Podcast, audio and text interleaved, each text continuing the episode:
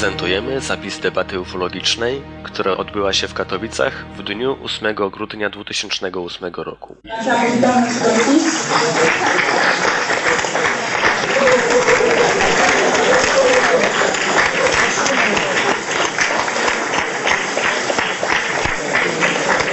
pan zadawał pytania?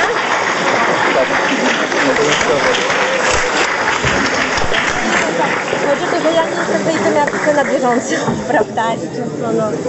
Ja będę zadawał pytania i być może jeszcze jakąś teorię zapowiem.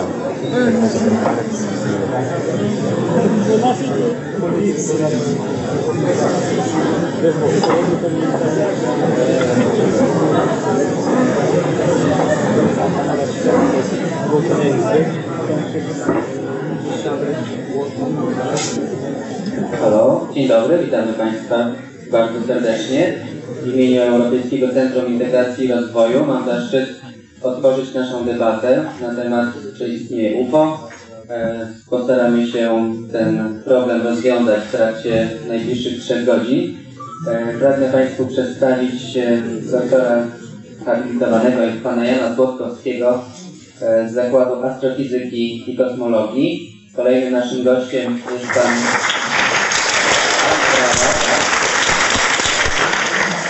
Kolejnym naszym gościem jest pan Władysław Borgieł, też Zakład Fizyki Teoretycznej. Następnym z rozmówców jest pan Janusz Zagórski, badacz zjawisk e, paranormalnych, e, ufolog, e, wielki autorytet w dziedzinie poszukiwania życia na obcych planetach. I przedstawiam Państwu Mikołaja Karwackiego, studenta fizyki.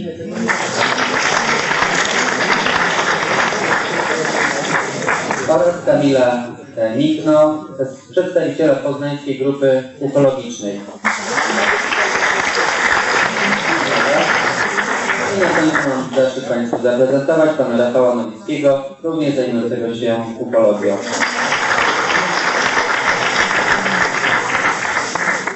Ja nazywam się Sebastian Minor, jestem prezesem Fundacji Feniksa. E, ogólnie zajmuję się zjawiskami paranormalnymi od strony psychologii stosowanej i e, psychoterapii. E, badam głównie pogranicze światów od strony zjawisk związanych ze śmiercią kliniczną oraz w jaki sposób można pomagać osobom e, umierającym na podstawie badań prowadzonych przez m.in. doktora Raymonda Moody'ego, e, czy też osób zajmujących się badaniem e, chociażby świadomego opuszczenia ciała w terminach znanych jako out of the body experience. Również to pogranicze światów ma dużo wspólnego z istotami obcymi, zresztą prawdopodobnie wyjdzie to w trakcie naszej debaty.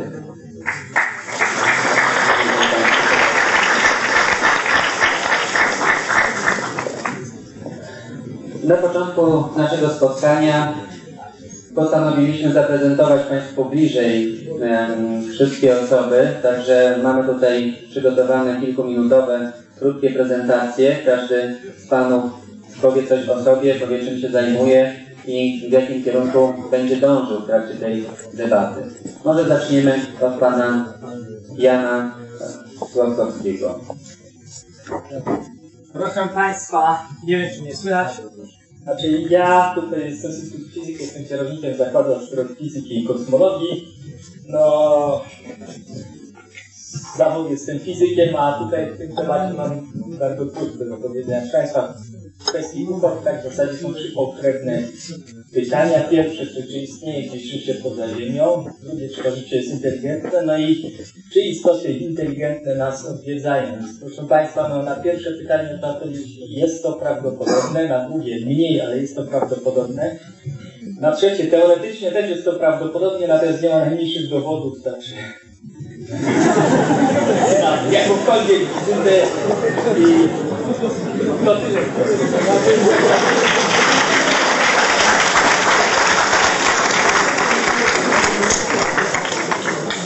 Czyli jak na razie wiemy, że prawdopodobnie nic nie wiemy. Postaramy się zdobyć więcej informacji od pana Władysława Borgieła. Bardzo proszę. Dziękuję bardzo. Ja przygotowałem jakieś, jakąś prezentację krótką, ale nie, nie, nie puszczacie tego Państwo, tak? Dobrze.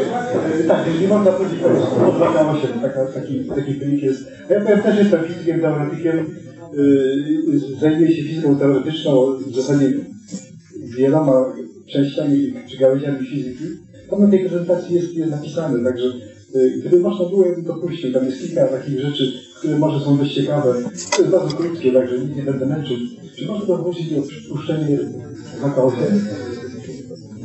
Nie można, nie można. Tak, tak, nie można. Jak nie można, to nie można. Nie można zgadzać. Y, Jestem, y, jestem za, bada, za, za badaniami naukowymi, czegokolwiek. Także, y, tak jak kolega sprecyzował dokładnie, te trzy rzeczy są. Jestem też trochę sceptykiem, jestem absolutnie za badaniem, badaniami, za badaniami, które mają podstawy naukowe. To wszystko więcej. Dziękuję bardzo. Dziękuję. Dziękuję uprzejmie. Mam nadzieję, że pomoże Pan w tych badaniach Panu Januszowi Zagórskiemu. Bardzo proszę głos. Jeżeli mogę, chciałbym Wam serdecznie podziękować za to, że y, jesteśmy tutaj w takiej sytuacji. Ja od prawie 20 lat y, zajmuję się tą tematyką. Jestem z Wrocławia. Jestem absolwentem y, Instytutu Nauk Politycznych. Studiowałem już filozofię przez kilka lat. Na uczelni pracowałem przez lat 7, wykładając nauki społeczne. W roku 1991 y, założyłem własną firmę i praktycznie ośrodek edukacji, praktycznie wtedy mniej więcej zainteresowałem się tym obszarem y, wiedzy, który na uczelni, y, na której studiowałem, y, jak też na innych uczelniach, nigdy nie był przedstawiany w sposób, w jakikolwiek sensowny sposób. Na początku, kiedy trochę wynarzone, przyznam szczerze, która mi chciała odciągnąć od spraw takich troszeczkę społecznej działalności, zaprowadziłem na spotkanie, kiedy tak posłuchałem o tych istotach pozaziemskich, o tych dziwnych doświadczeniach z UFO, myślę, kurczę, ale chwilę przekręt. No tak, y, to było już bardzo mocno na świecie. Polska się wtedy otworzyła, stary system upadł, powstała nowa rzeczywistość. Wszystko można było przeczytać, wszystko można było dostać, kupić. Było tego gigantycznie dużo. Również w Polsce się okazało, że doniesień o UFO jest naprawdę dużo. Przez kilka miesięcy robiłem pierwszą podstawową rzecz, o którą jeden z naszych tutaj panów, y, właśnie panelistów, jeden z panów doktorów apelował. Wprawdzie nie była to czysta procedura naukowa, ale ponieważ pracowałem na uczelni, starałem się stosować takie elementarne podstawowe czynności, jakie są przy przesłuchiwaniu świadków przede wszystkim. I drogą eliminacji wyszło mi po kilku miesiącach, że prawdą jest, że UFO są to zjawiska astronomiczne lub też przyrodnicze, których ludzie nie rozumieją i uważają, że to są jakieś statki obcych cywilizacji, manifestacje prawda, obcej inteligencji. To prawda. Jest dużo takich spraw i takich przypadków. Ja w ciągu tych prawie 20 lat bardzo wiele takich zanotowałem. Prawdą też jest, jak mówi druga hipoteza, że wiele osób, chociaż może poprawię się, pewna część osób mówi, że widzi UFO, opisuje to UFO dlatego po prostu, że sobie robi żarty, że chce po prostu zamanifestować swoje ja w jakiś taki oryginalny, dziwny sposób. Takich przypadków mojej karierze może było, uważam, kilka procent. Prawdą też jest, że za manifestacjami UFO, które ludzie przynoszą dziennikarzom, badaczom jako informacje, y, stoją niezrozumiałe dla nas y, tajne, nieznane po prostu opinii publicznej eksperymenty wojskowych, po prostu eksperymenty armii, szczególnie oczywiście sił powietrznych, a więc najnowocześniejsze technologie, które po prostu my, ludzie, nie potrafimy rozpoznać, że to jest nasze. To też prawda. I takich przypadków też wiele w swojej takiej karierze studiowania tego tematu spotkałem. Ale spotkałem dużą część takich historii i takich tematów, które pod żadną tych hipotez się nie kwalifikują. Spotkałem ludzi, którzy nie kwalifikują się już pod taką hipotezę, że ktoś opowiada, że widział UFO albo że spotkał ufonautów i po prostu jest nienormalny, jest po prostu niespełna rozumów. To takie przypadki też się zdarzały. Spotkałem dziesiątki, jak nie setki spraw i sytuacji, kiedy żadna z tych właśnie hipotez nie pasowała. I zrobimy jeszcze jedną ważną rzecz, żeby ją po dziś dzień. Starałem się docierać również do takich ludzi, których wiarygodność społeczna, zawodowa, profesjonalizm w ocenie zjawisk, które widzą, oglądają, napotykają, nie podlega najmniejszej albo bardzo małej dyskusji wątpliwości. Za które rzeczy takimi ludźmi, powszechnie tak uważa, byli i są wojskowi. Na początku miałem kontakt głównie poprzez y, oglądanie materiałów zachodnich y, z wypowiedziami zachodnich y, wojskowych, w sposób niezwykle twardy, sugestywny i obiektywny opisywali zdarzenia niesamowite. Ale też spotkałem później polskich oficerów, żołnierzy. Czasami mówiliśmy w jednostce, poza jednostką po cichu, bo zdarzały się w jednostce wojskowej, ale niektórzy z nich odważyli się mówić otwartym tekstem. I jeżeli dzisiaj ktoś mówi, że nie ma dowodów, a przynajmniej przesłanek na to, że UFO właściwie na Ziemi nie, nie manifestuje się, to chciałbym powiedzieć, po prostu ludzie ci nie znają sprawy. Przede wszystkim ludzie, którzy gadają się o UFO, przepraszam Was, często ze środowisk właśnie akademickich tego w ogóle nie badają. To, co jest najważniejszą zasadą, czego Was tutaj nauczają, czego mnie uczono, to jest badać. My, czasami nie mając do tego żadnych środków i możliwości, robimy na to, to możliwe w całym świecie. Na, na, na, nawet na, na wielką skalę. I są to jakieś badania, czasami ściśle naukowe, jak na przykład badania doktora Jana Szymańskiego w Wydatowie, w miejscu, gdzie manifestowały się przez lat niezwykłe zjawiska. Ściągamy naukowców niezależnie tam, gdzie jest to możliwe. Jest mnóstwo różnego typu ciekawych raportów. Robimy to wedle zasady naukowej. Ci, którzy się wypowiadają najczęściej, że UFO to bzdura, nie robią tego. Zaprzeczają elementarnym prawom i etyce zawodowej naukowca. Mają zdanie, a nic w tej sprawie, żeby go zweryfikować, praktycznie zrobiłem. Przeczytałem parę książek, yy, największych. I chciałem Wam powiedzieć, że ci oficerowie, których widziałem, mówili o takich rzeczach. Ja te nazwiska dzisiaj jeszcze podam, ponieważ raz kolega pokaże mi, że mija moje 7 minut. Że każdy, kto ma chociaż troszeczkę rozsądku i posłucha generała Polisza Czernowa, kiedyś y, szefa y, korpusu wojskowniczych, posłucha pułkownika Grundmana, posłuchaj zapoznać się z materiałami majora Makieły, to naprawdę powinien usiąść i spokojnie, słuchajcie, jest problem. I na koniec. Jeżeli będziecie też dzisiaj próbowali śmiać z wagi tego zjawiska, to Wam tylko powiem jedno. W tym roku druga transza przez kilkadziesiąt lat brytyjskie Ministerstwo Obrony to oświadczono oficjalnie i jeżeli wejdziecie na archiwa, brytyjskie narodowe archiwa, zobaczycie całe potężne archiwum. Jeżeli ci, którzy zajmowali się UFO są oszołomami, to musicie do nich zaliczyć cały sztab ludzi zajmujących się Wielkiej Brytanii UFO, ponieważ oficjalnie, jak tu stoimy, ogłosili to i wejdziecie na rządowe strony internetowe i zobaczycie wszystkie najważniejsze raporty do roku 87, jakie na razie zostały opublikowane, wszystkie, które chcę opublikować. Dużo fantastycznych rzeczy. Więc w związku z tym, skoro chcemy się śmiać, śmiejmy się również z oficerów i obecnych dowódców Ministerstwa Obrony Narodowej Wielkiej Brytanii, bo oni takie badania jak my prowadzili profesjonalnie na pewno niż my już od kilkudziesięciu lat. Dziękuję na razie.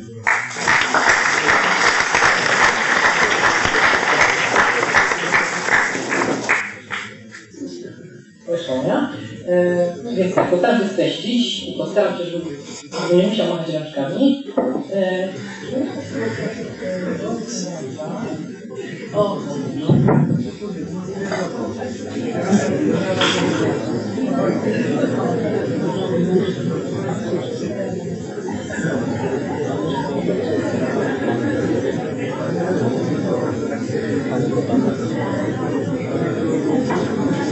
Jesteśmy? Tak. E, korzystając z chwili przerwy na przygotowanie materiału, e, chciałem tutaj zapytać, czy w ogóle macie Państwo jakąkolwiek orientację na temat e, tych zjawisk, o których wspominał Janusz Zagórski, czy, czy ktoś z Państwa, powiedzmy, specjalizuje się na swój użytek w poszukiwaniu tych informacji? Czy, czy te sprawy są Państwu znane? Komuś, tak? Nikomu. Jest Może jeden. komuś. Jest jeden.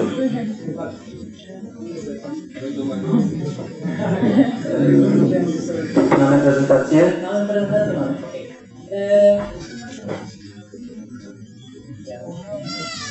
Więc jakim systemem przedstawiony nazywa się Mikołaj Perowacji. I zajmuje się e, w katedrze pana profesora Toskowskiego, jest na czwartym roku e, e, kosmologii. Będę pisał pracę magisterską w poszukiwaniu pozostałych układów planetarnych. Więc temat jak, naj, jak najbardziej mi siadł, można powiedzieć. E, w tych kilku slajdach, które postaram się, żeby zmieścić się w czasie, e, chciałbym pokazać, dlaczego tak i dlaczego może. E, a. Nie, nie, nie, nie, nie. E, równanie Drake'a nie łatwo przestraszyć, e, bo jak wiecie coś, nie wiem, większość z Was zakomarzycie się humanistami. Mam rację? Tak, tak, tak.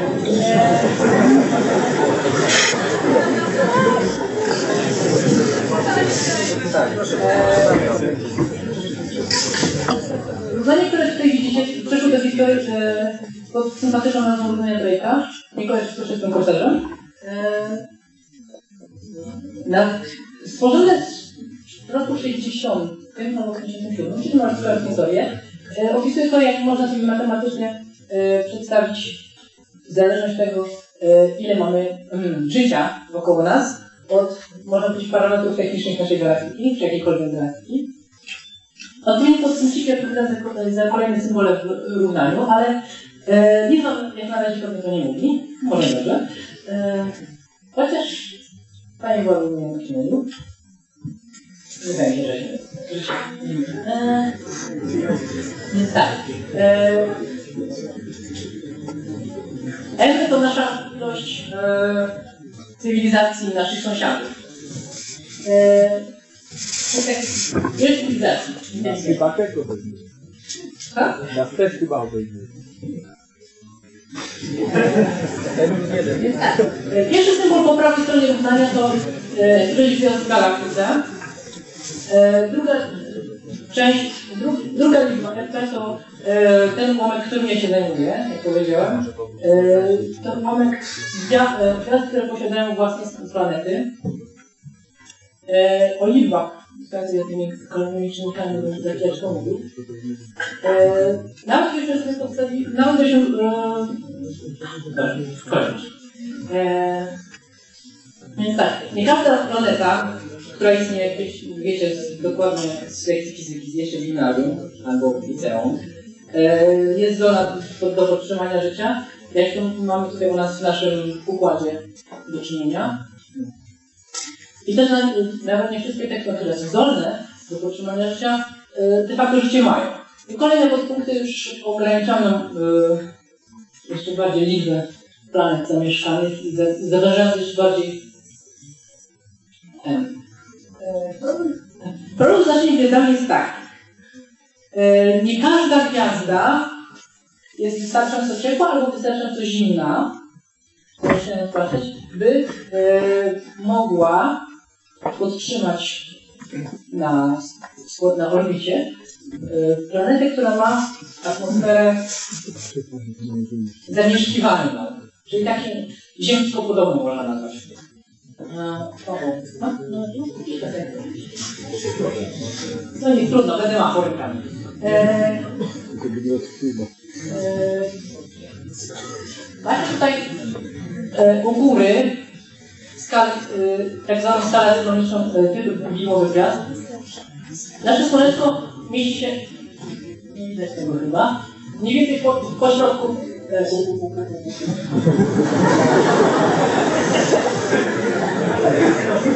Idąc po kolei od prawej. Klasa widmowa O, B, GKM, OP Founder plus Me. Tu są, z tej strony wykresu są gwiazdy e, czerwone giganty, za duże i jednocześnie za zimne na to podtrzymać e, atmosferę taką jak ziemska, czyli atmosferę azotowo-tlenową. O,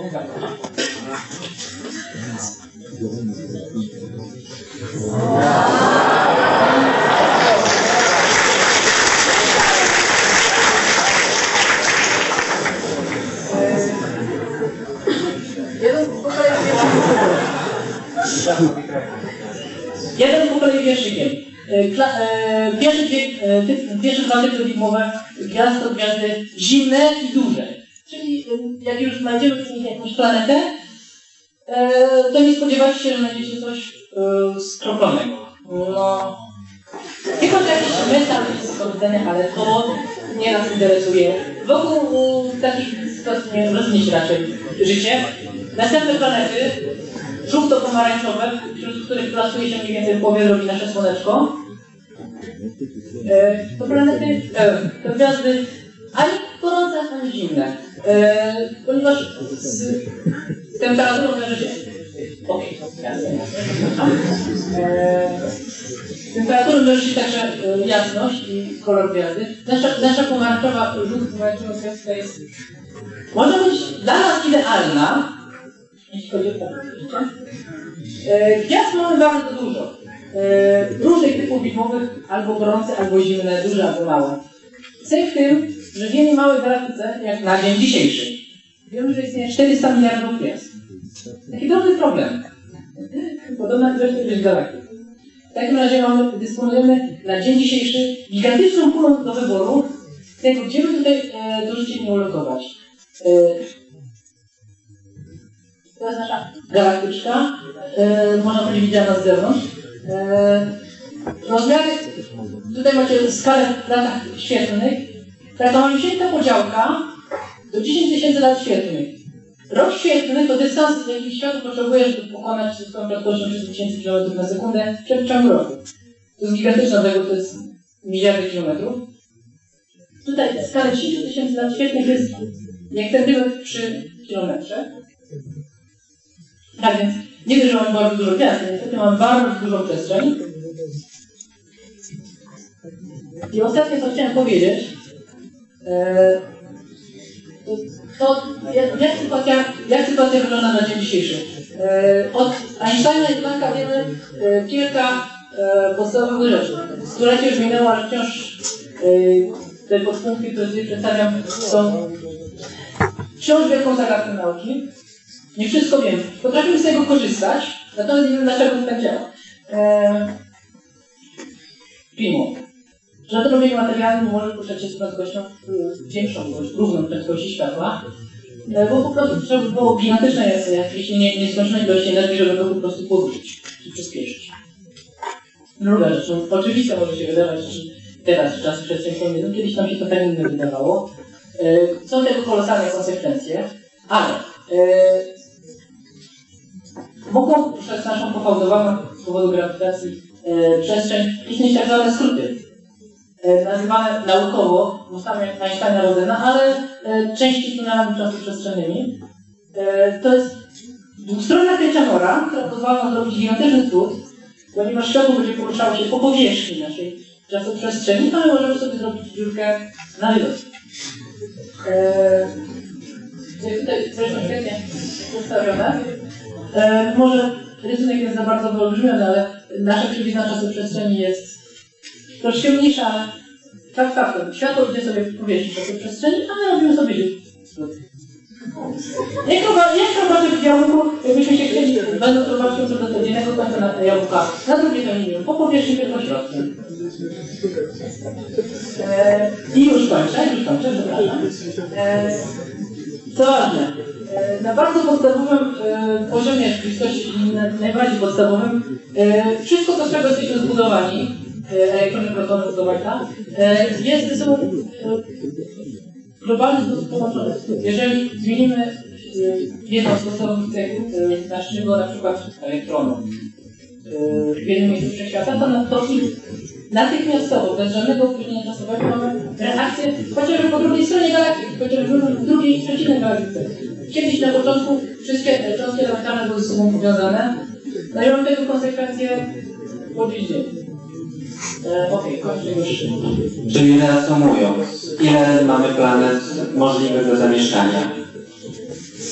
e, kolosalne liczby. Jeżeli byśmy wrócili do równania Drake'a i postawili sobie te nasze, nawet najbardziej wydumane, najbardziej, najbardziej pesymistyczne liczby, e, to byśmy doszli do tego, że mamy do dyspozycji najmniej 100 tysięcy, 10 tysięcy. Najwyżej kilka, kilkanaście milionów. Także to, to najważniejsze mi się wydaje. Yy, nasza nauka jest daleko, ale cały czas im więcej idziemy, tym więcej zadajemy sobie pytań. Każda, każda, każda odpowiedź to kolejne 10, 10 100 tysięcy pytań. Wiemy dużo, ale jeszcze nie tego, to potrzebujemy żeby to wszystko zrozumieć. Dziękuję. Dziękuję bardzo.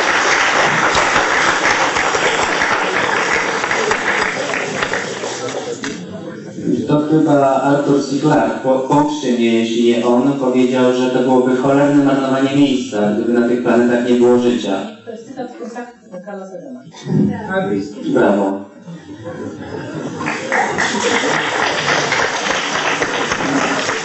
Tak, prosimy Cię o prezentację. E, może tak na początek tylko opowiem troszeczkę. Podobnie jak panowie e, profesorowie, jestem raczej sceptykiem, e, jeżeli chodzi o, sprawy UFO. Natomiast nie mówię, że, że życie pozaziemskie jest niemożliwe. I tutaj pan Janusz Dagórski ma, miał bardzo dużo racji, mówiąc, że, że wiele osób, którzy mówią, że mieli spotkanie, czy byli świadkami manifestacji UFO, po prostu y, kłamią, ale y, jest również y, ważne, że y, wielu ludzi po prostu nie wie, y, co widziało. Są y, w atmosferze y, takie y, zjawiska, o których, o których normalni ludzie y, mogą nie wiedzieć i, jeżeli są świadkami takich, rzeczy, to po prostu nie wiedzą, że to jest normalne zjawisko. Y, Głównie zajmuję się razem, można powiedzieć, z moją grupą badawczą w Poznańskiej Grupie Archeologicznej y, negowaniem y, wszelkich takich zjawisk, podważaniem autentyczności, jeżeli chodzi o jakieś doniesienia o, o jakiejś manifestacji UFO czy pojawieniu się kręgu. Y, Jest to jedna właśnie z metod badawczych, która, która ma na celu, y, jeżeli nam się nie uda zanegować y, takiego zjawiska, wtedy można domniemać, że, takie zjawisko jest autentyczne, aczkolwiek jest to jeszcze bardziej. Y, Myślę, że tutaj w kwestii właśnie manifestacji czy, czy, podważania takich kwestii więcej do powiedzenia mieli właśnie y, pan Grandylski i panowie profesorowie, także dziękuję bardzo. Dziękuję również. Bardzo proszę, pan Rafała. Dzień dobry, przyjechałem dosyć daleko, mieszkam y, mniej więcej koło miejscowości Wylatowo, to tak y, dla tych, którzy się interesują tematem, będą wiedzieli, gdzie to jest. Otóż y, ja zajmuję się tą, tym zagadnieniem od strony praktycznej, to znaczy nie jestem takim tylko, który siedzi w internecie, szuka i patrzy, o tu są dowody i, to, i takie filmy, i takie zdjęcia. Ja staram się weryfikować takie informacje, oczywiście nie wszystkie, te, które mogę, te, które mnie interesują. Jeżeli taką sprawę, taką sprawą się zajmuję, staram się wyciągnąć maksimum informacji, które są możliwe do wyciągnięcia w takiej sprawie.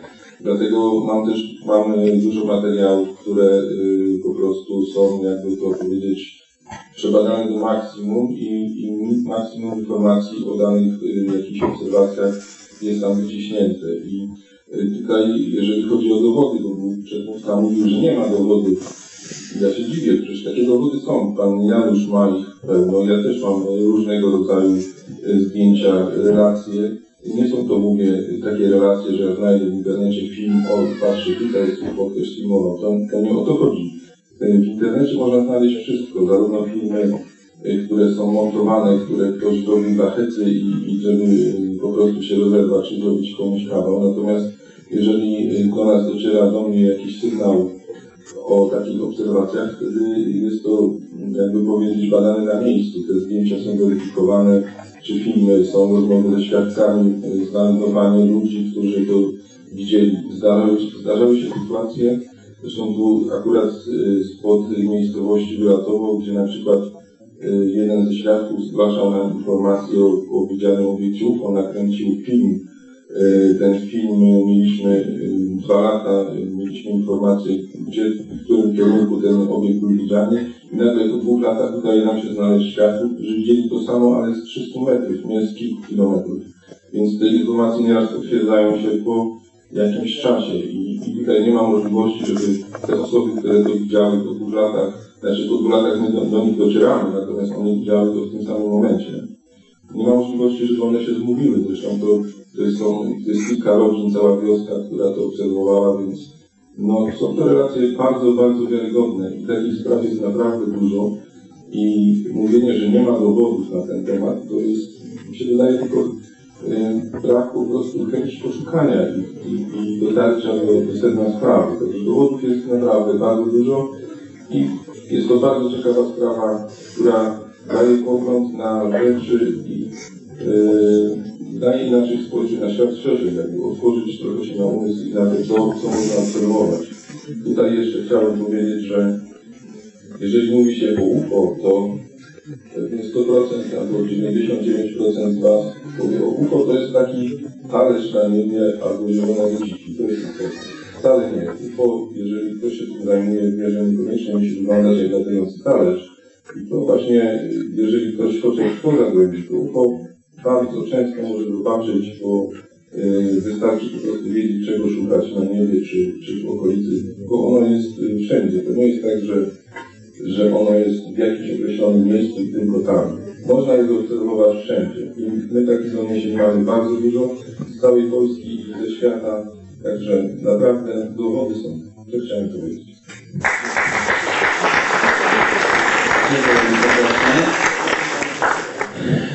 Proszę Państwa, znamy już gości, znamy skład komisji sędziowskiej, ym, mamy trochę czasu na ustalenie werdyktu. Pospierajmy się trochę. Zadam Państwu pytanie i y, Panom również, moim gościom, ponieważ padły tu trzy pytania istotne. Czy istnieje życie poza Ziemią? Czy to życie może być inteligentne? I czy może odwiedzać naszą planetę? E, Zadam pytanie wprost. Czy uważacie Państwo, że pozaziemskie istoty inteligentne odwiedzają, odwiedzały lub mogą odwiedzać naszą planetę? Proszę poprzez podniesienie rąk e, tu moich kolegów o wyrażenie swojej opinii. Czy mogą?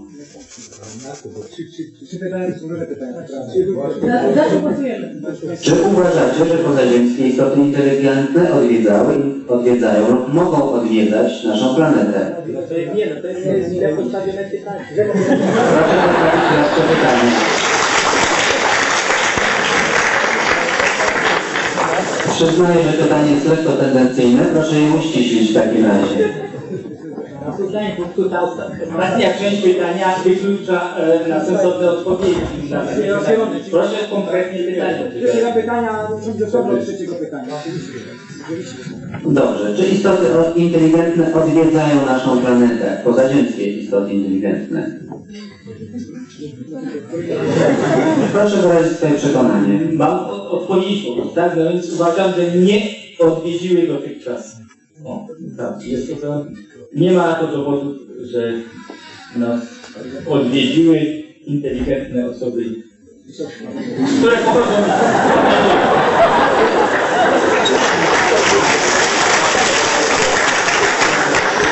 Czy pan sugeruje, że spośród kosmitów nie ma dżentelmenów, że same chamstwo nasze odwiedza? No dobrze, proszę, proszę pana Władysława o zajęcie opinii. Proszę Państwa, y, używam w swojej pracy metod naukowych, y, y, zawsze patrzę na twarde fakty naukowe czy dowody powtarzalne. Y, Jestem też raczej na nie. Y, Te, które widziałem, to po prostu no, nie pozwalają mi stwierdzić, że tak. Także odpowiadam nie. Dziękuję. Ja już y, zadeklarowałem się w tym wstępnym wystąpieniu, ale skoro mogę jeszcze raz, całą stanowczością, kategorycznie. W oparciu o prawie 20 lat studiowania tego problemu, jako niezależny dziennikarz, śledczy, czasami badacz, czasami psycholog, terapeuta, oświadczam Wam, że za częścią manifestacji, które nazywamy UFO, to angielskiego skrótu, prawda, kryją się istoty inteligentne spoza naszego świata, I ich obecność tutaj, w mojej ocenie, nie jest to tylko kwestia ostatnich e, kilkudziesięciu lat, czasów e, po II wojnie światowej, kiedy się pojawiło to słowo UFO, prowadzone przez notabene naukowca, doktora Ala Heineka, który już nie żyje, astrofizyka, panowie, który w Stanach Zjednoczonych ten temat badał, na początku na zlecenie sił powietrznych w ramach programów rządowych, takich jak Blue Book, Wybitna Księga, y, których celem było zbadanie niesamowitej ilości manifestacji UFO, jakie miały miejsce na terenie Stanów Zjednoczonych. On na początku jako sceptyk, chciałem Wam powiedzieć wyraźnie, to jest oczywiście w literaturze do, potwierdzenia, przeszedł na pozycję ufologiczną. Do niego y, dzisiaj pamiętamy te słynne trzy stopnie spotkań z UFO. Pierwszy, drugi, trzeci, potem poprowadzono następne, czwarte, ale nie o to chodzi. Chciałem Wam powiedzieć jeszcze raz, że poruszamy się w dwóch różnych światach. Ja rozumiem tutaj panów doktorów i ich stanowisko. Oni zajmują się niebem, astrofizyką, a my ufolodzy tak naprawdę niebem prawie się nie zajmujemy. My oczywiście interesujemy się tym wszystkim. My zajmujemy się tym wszystkim, co manifestuje się na Ziemi, czy fizycznie na Ziemi, czy na, na powierzchni przestrzeni Ziemi, co świadczy o tym, że mamy do czynienia z technologią nieosiągalną dla e, ludzkości dzisiaj. Przyznam tutaj książkę już dawno temu wydaną e, Stanie Artur Timothy Gooda, jednego z najwybitniejszych ufologów na świecie, którego zaprosiłem do Polski lata temu. I chciałem Wam powiedzieć, w takich sytuacjach te książki są setki, nawet tysiące. Chciałem Wam powiedzieć, że tutaj wstęp do tej książki napisał Lord Hill Norton, już dzisiaj nieżyjący, kiedyś szef Komitetu Wojskowego NATO w latach 1984-1987. Człowiek, który e, powiedział wyraźnie, sprawa UFO jest sprawą poważną, zatem kryje się wielki problem odwiedzin spoza Ziemi i książka, która mówi o tych odwiedzinach, jest poprzedzona jego właśnie wstępem. Chcę Wam powiedzieć, że w wielu parlamentach na świecie odbywały się debaty na temat UFO, i to w latach 60. Ostatnia znacząca miała miejsce w 1979 roku w Izbie Lordów w Wielkiej Brytanii. Te tematy były podejmowane przez różnych prezydentów, e, również i wielkie głowy tego państwa zetknęły się z tym problemem. On jest naprawdę dużo poważniejszy. Ja świadomie narażam się od lat wielu ludziom, mówiąc tak bez najmniejszych wątpliwości, bez najmniejszego zająknięcia. Uwierzcie mi, stoję przed tak niesamowitą historią, przed tak niebywałym wydarzeniem w historii rodzaju ludzkiego, jakie nie pamiętamy od tysięcy lat. I chowanie grupy w piasek. Dla mnie dzisiaj fenomen UFO jest jakąś super zagadką, bo mniej więcej mam wyobrażenie o tym, tylko największą zagadką jest to, że przez 50 ostatnich lat, przy tej ilości dowodów, przy tej ilości manifestacji, po prostu cała skorupa naszego życia publicznego, a więc tak, religie, e, instytucje państwowe i oczywiście nauka, cały czas odwracają głowę od tego problemu.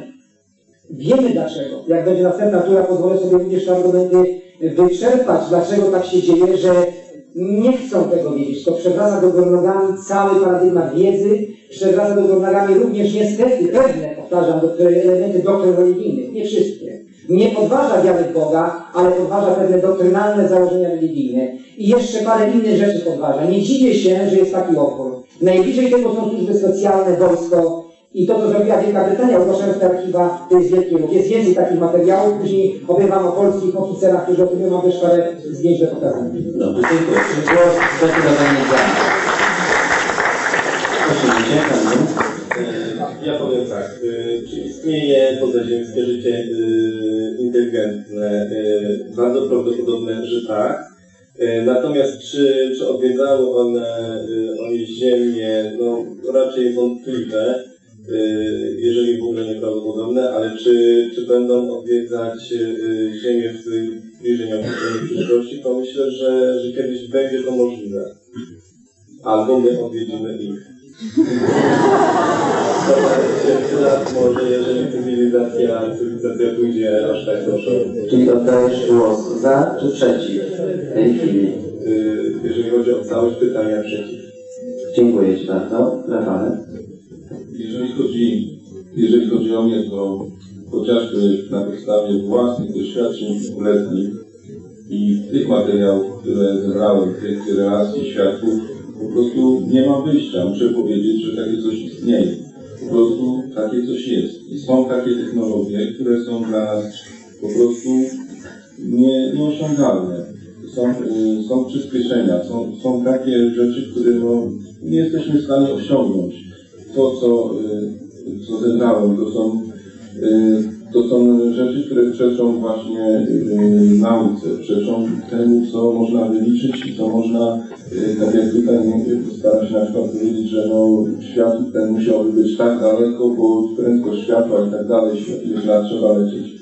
Te pojazdy po prostu, one mają gdzieś tą prędkość światła. Przyspieszenia, które są w tych pojazdach są tak duże, że człowiek tam zginął, więc technologia to jest zupełnie inna. Y, Jeżeli chodzi o mnie, całkowitą swoją, swoim przekonaniem muszę stwierdzić, że, że tak, że to jest prawda i po prostu to jest tylko kwestia czasu, y, kiedy będziemy musieli do tego się przyznać. Dziękuję bardzo. Czyli jak sami Państwo widzicie, mamy dwa głosy za, dwa głosy zdecydowanie przeciw i jeden lekko przeciw, czyli jak na razie jesteśmy po stronie negacji. Nie ma tutaj kolegi Mikołaja, który nam się zdematerializował. Halo, halo, ziemia do Mikołaja. To może być argument za.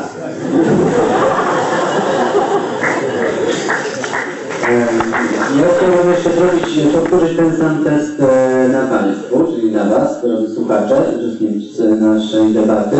Poproszę tu koleżanki z e, organizacji, e, żeby zliczyły, zliczyły Wasze głosy. Czy istnieje i odwiedza nas inna cywilizacja pozaziemska? Głosy za. Poproszę rękę w górę. Dużo rąk, dużo. Chwilkę na zliczenie, proszę jeszcze nie opuszczać.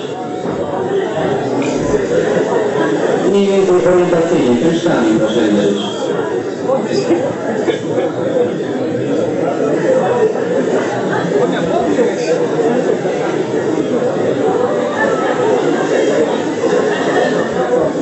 Dobrze, dziękuję uprzejmie.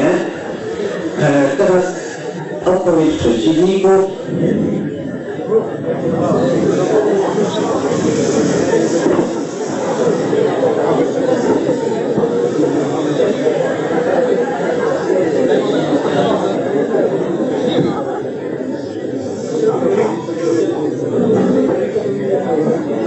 Mikołaju, coś Ciebie ominęło. Pytamy tutaj. Pyta, pytamy, czy istnieje możliwość odwiedzin poza ziemi. Do czego zmierzałem nasze, w swojej tej krótkiej przymówie prezentacji, e, to było to, że nie znamy wszystkich możliwości, nie mamy wszystkich odpowiedzi. E, może istnieć, tak powiedział, że musi Proszę. coś, coś trwanego, bardziej inteligentnego od nas, więc tego więcej doświadczenia, mający większą, pulę naukowo-techniczną. I czego problemem, nie widzę problemu, żeby e, ktoś taki prędzej czy później do nas padł na. Zapraszam. Mikołaj nie widzi problemu, czyli mamy równowagę. E, Jest to głos może mało zdecydowany, ale ważny, ponieważ nadal nie wiemy, czy te istoty mogą nas odwiedzać, czy nie. Zastanówmy się tutaj nad pytaniem dodatkowym, które chciałbym też postawić. Jaka jest przyczyna utajnienia informacji na temat UFO? Dlaczego tak mało wiemy? Co mogło być przyczyną takiego stanu rzeczy? Przecież jeśli, jeśli te istoty istnieją, to od niepamiętnych czasów powinny być świadectwa, które powinny nam dawać e, jakiś sygnał. Czy zetknęliście się Państwo z taką opinią, że badania te zostały utajnione pod wpływem pewnej reklamy słuchowiska radiowego Orsona Wellesa Wojny Światów w latach 40. w Hiszpanii, które, e, które te reklamy wywołały panikę, ponieważ na sygnał Marsjanie atakują, wszyscy zaczęli plądrować sklepy. Było to zjawisko psychologiczne i ponieważ tego typu reakcje mogłyby się powtarzać, wszelkie informacje spływające do specjalistów poprzez e, policję, służby wojskowe zostały utajnione, co zresztą Takie filmy jak Archiwum X chociażby pokazują. Oczywiście nie jest to żaden dowód, natomiast może być to przyczyna. Co Państwo sądzicie na ten temat? Pytanie jest o przyczynę y, naszej niewiedzy. Dlaczego wiemy tak mało? Odpowiedź prosta, bo nie ma faktów. To, co w Hollywood się produkuje, no to, proszę Państwa, no to, to jest wielki biznes i jest podtrzymywana jakaś tam, mm, no, faktografia w cudzysłowie, żeby te filmy się sprzedawały, natomiast nie ma rzeczywistych faktów. No i tak jak tutaj się próbuje na takie pytania odpowiedzieć poprzez głosowanie, no to, to, to te fakty powinny być jednak. To, co my sobie tutaj zagłosujemy na za czy przeciw, to, to ma niewielkie znaczenie. Proszę uwzględnić to, że za każdym głosem może stać jakiś ważny fakt. Może, ale może też nie stać. No. Dziękuję.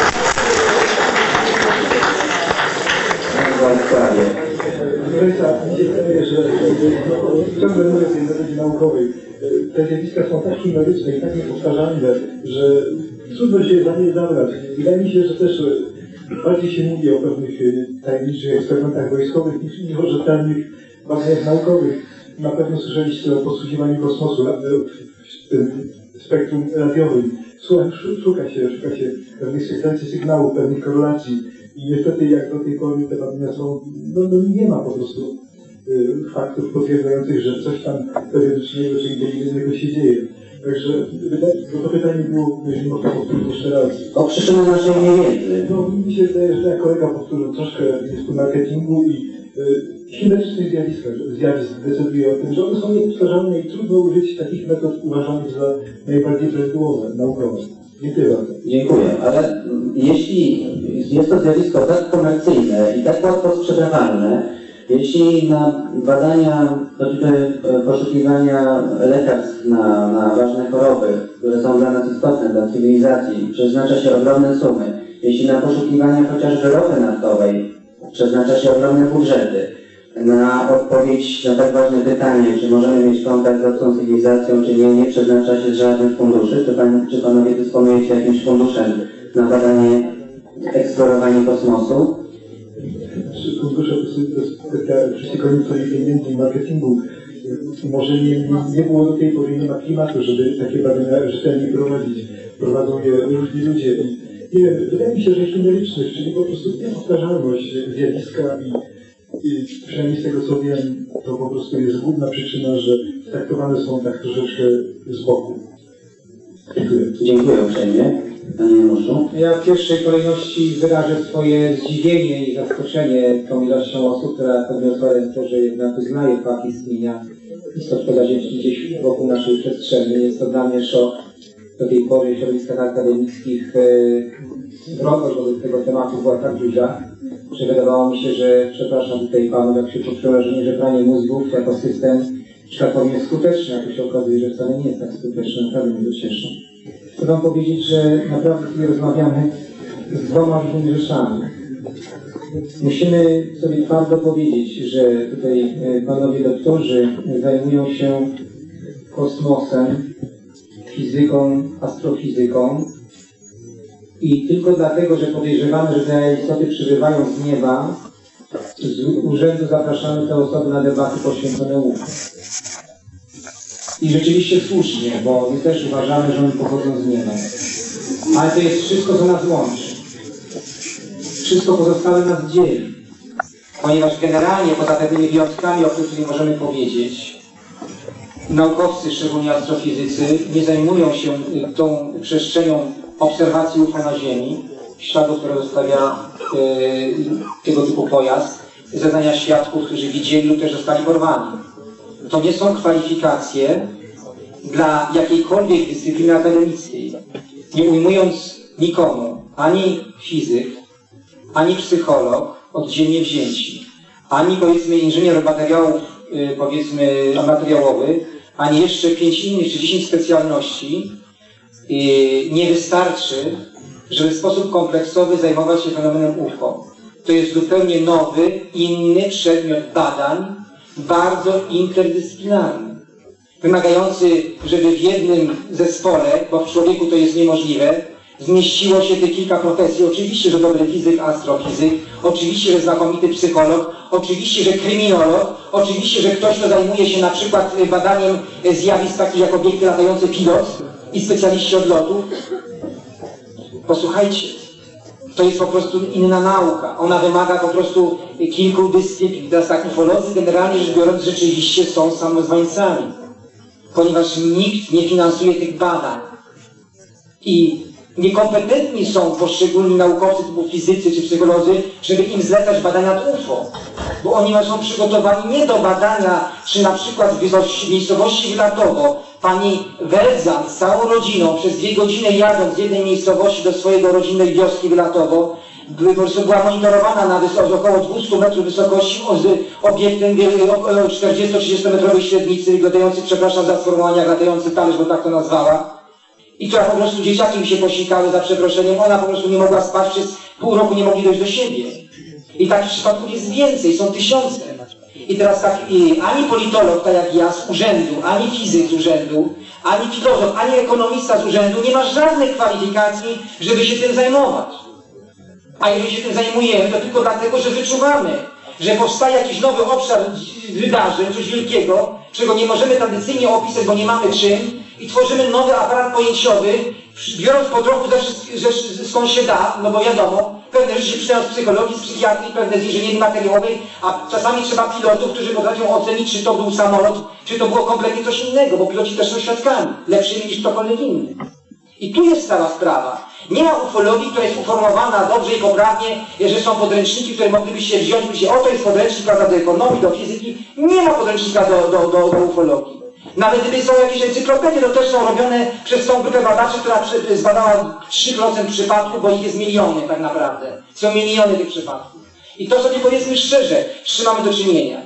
Dlatego też e, chcę tylko powiedzieć tak, że ja, rozmawiając z oficerami e, armii, takimi jak pułkownik, e, panowie mówią, nie ma dowodów, nie ma przesłanek. Po prostu oni się nad nim nie pochylają, ale też nikt im po pierwsze za to nie płaci, po drugie nie takie są ich kwalifikacje.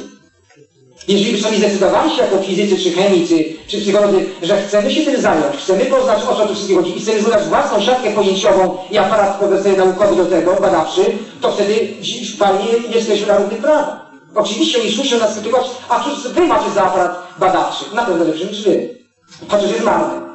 Bo go przynajmniej mamy, robimy badania pełnowe. Czy sobie wyobrażacie taką sytuację, kiedy Pan mówi chimeryczne? To prawda, to jest najbardziej istotny zarzut, ale nieprawdą jest, że nauka zajmuje się tylko zjawiskami powtarzalnymi. Jest szereg dziedzin bardzo rzadko, których bardzo rzadko coś się na kryptozoologia. Szuka się e, z gatunków zwierząt, czy egzemplarzy zwierząt, które już dawno zabiginęły, a gdzieś tam, e, czy żeby się potwór bo to żartuje, znajdują się jakieś po prostu endemiczne e, gatunki, czy dosłownie egzemplarze czegoś, co przeżyło. To są rzeczy wręcz niepowtarzalne, ci z czasami przeniesione. Czasami latami tego szukają i wolno, naukowo wolno. A ponieważ UFO się manifestuje miliony razy, chociaż nie w jednym miejscu, no to już nie wolno, bo to nie, nie w tym samym miejscu. Przecież to o to chodzi, że w tym samym miejscu. Było takie miejsce wylatowo, bo myśmy zrobili wszystko, co możliwe, za nasze pieniądze.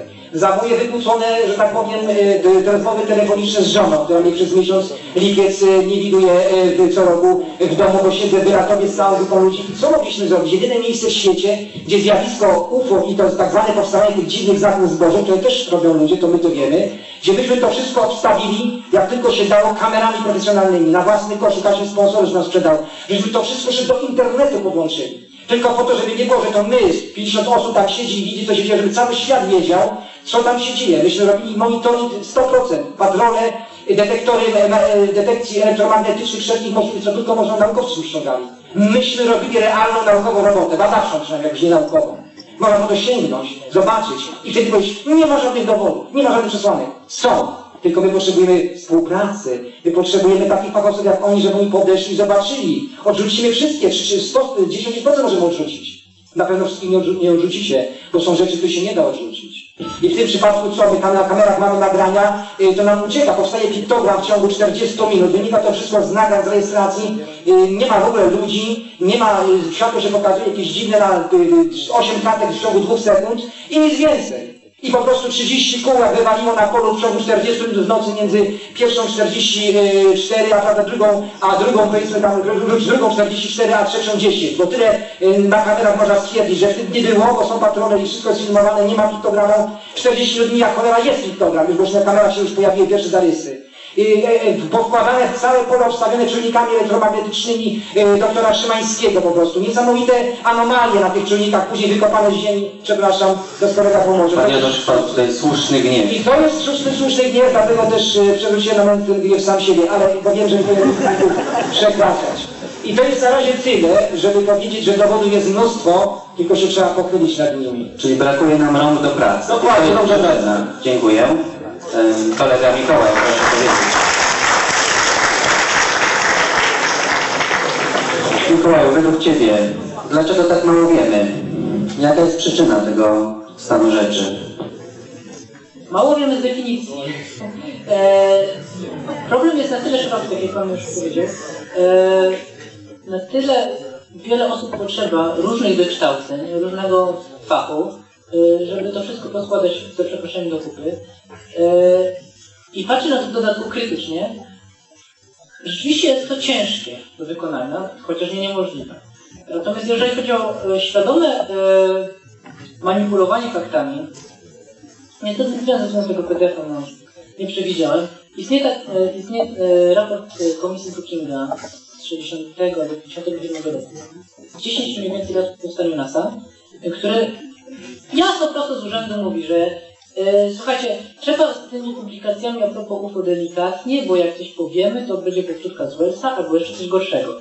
E, przepraszam, że teraz macham rękami, że nie, mam, że nie mam dowodu na to, co teraz mówię. E, Niemniej jednak, jakbyście sobie wpisali Brookings Report e, w naszą kochaną wyrzuciwarkę, nie będzie reklamy, e, możecie sobie tego PDF-a znaleźć, znaleźć tę treść i będziecie rzeczywiście, e, nie każdemu zależy na tym, że, m, żebyśmy wszystko wiedzieli z tego, z, tego, nie- z tego niewielkiego coś, co wiemy. E, Czy z tego powodu zamyka się hakerów, którzy włamują się do serwerów NASA i traktuje się ich jak terrorystów lub zbrodniarzy wojennych, którzy ujawniają tajne informacje? Każdy, e, w dzisiejszym, w dzisiejszym, mm, w dzisiejszym układzie geopolitycznym, tak to nazwijmy ładnie, e, każdy, kto, kto wychodzi poza mainstream, każdy, kto wychodzi e, i mówi, że król jest nagi, że system jest nie tak, e, że system jest B, że system robi coś e, kantem i robią, z nas przy okazji e, każdy traktowany jak terrorystę i każda służba bezpieczeństwa na tej planecie ma prawo takiego człowieka odstrzelić. O czym to może świadczyć? E, Problem e, robienia, e, zamiatania wielu rzeczy pod dywan to nie jest kwestia tylko ufologii. Bardzo wiele rzeczy e, zamiatamy pod dywan dla, dla bezpieczeństwa. E, pytanie tylko czyjego? I czy naprawdę bezpieczeństwa? Dziękuję Ci bardzo za tą wypowiedź. Kamilu, według Ciebie jaka jest przyczyna naszej niewiedzy? Dlaczego wiemy tak mało? Gdzie są dowody? E, Na pewno jak, jak była podsumowana wypowiedź pana, pana Zagórskiego, brakuje rąk do pracy, bo naprawdę y, osób, które, które rzetelnie zajmują się tymi zjawiskami jest naprawdę bardzo mało. E, jeżeli tutaj y, odniosę się wcześniej do kwestii NASA, y, jeżeli y, rządom państw naprawdę jest na rękę utrzymywanie dezinformacji, y, wśród ludzi, y, ponieważ pod tą przykrywką tego, tego wszystkiego, całego tego zjawiska mogą też ukrywać bardzo wiele y, rzeczy takich pospolitych, militarnych na przykład. Także z jednej strony na pewno brakuje ludzi i rąk i takich naprawdę rzetelnych, y, którzy, którzy mogliby się tym zająć i, i badać i przekazywać do opinii publicznej, a z drugiej strony, a z drugiej strony działalność rządów różnych krajów, którzy, którzy szerzą tę dezinformację. Dziękuję Ci. Rafale, proszę o krótką wypowiedź. Dlaczego nic nie wiemy o UFO i o dowodach? Otóż powiem w paru aspektach. Y, Internet. Internet jest takim miejscem, gdzie te dowody można znaleźć, ale niestety internet jest takim świetniskiem, gdzie po, oprócz y, filmów, które faktycznie są autentyczne, jest mnóstwo, mnóstwo zmanipulowanych filmów. I ja często wśród znajomych spotykam się z taką reakcją, no wiesz, ja tam szukałem w internecie, no i znalazłem taki film, ale tam później pisało, że to sobie tam Gienek z Henkiem zmontowali. Gdzie ty tam masz UFO? To jest, to jest jedna rzecz, gdzie można znaleźć te rzeczy, ale naprawdę nie radzę tam szukać, dlatego że y, YouTube i filmy, które tam są, y, zrobią tylko wszystkim zamęt w głowie. Y, Informacje o UFO pojawiają się, są dowody. Ja po- podam taki przykład. I są to dowody, które są manipulowane. Otóż nie pamiętam w tej chwili dokładnie roku, ale to było gdzieś 3 lata temu. Y, Meksykański rząd zdecydował się podać do wiadomości, że wojska y, lotnicze y, nakręciły film, w którym na kamerach na podczerwień są obiekty. Ten film został wyemitowany w telewizji, później w USA, także chyba w Polsce był pokazywany. W Polsce też był, tak?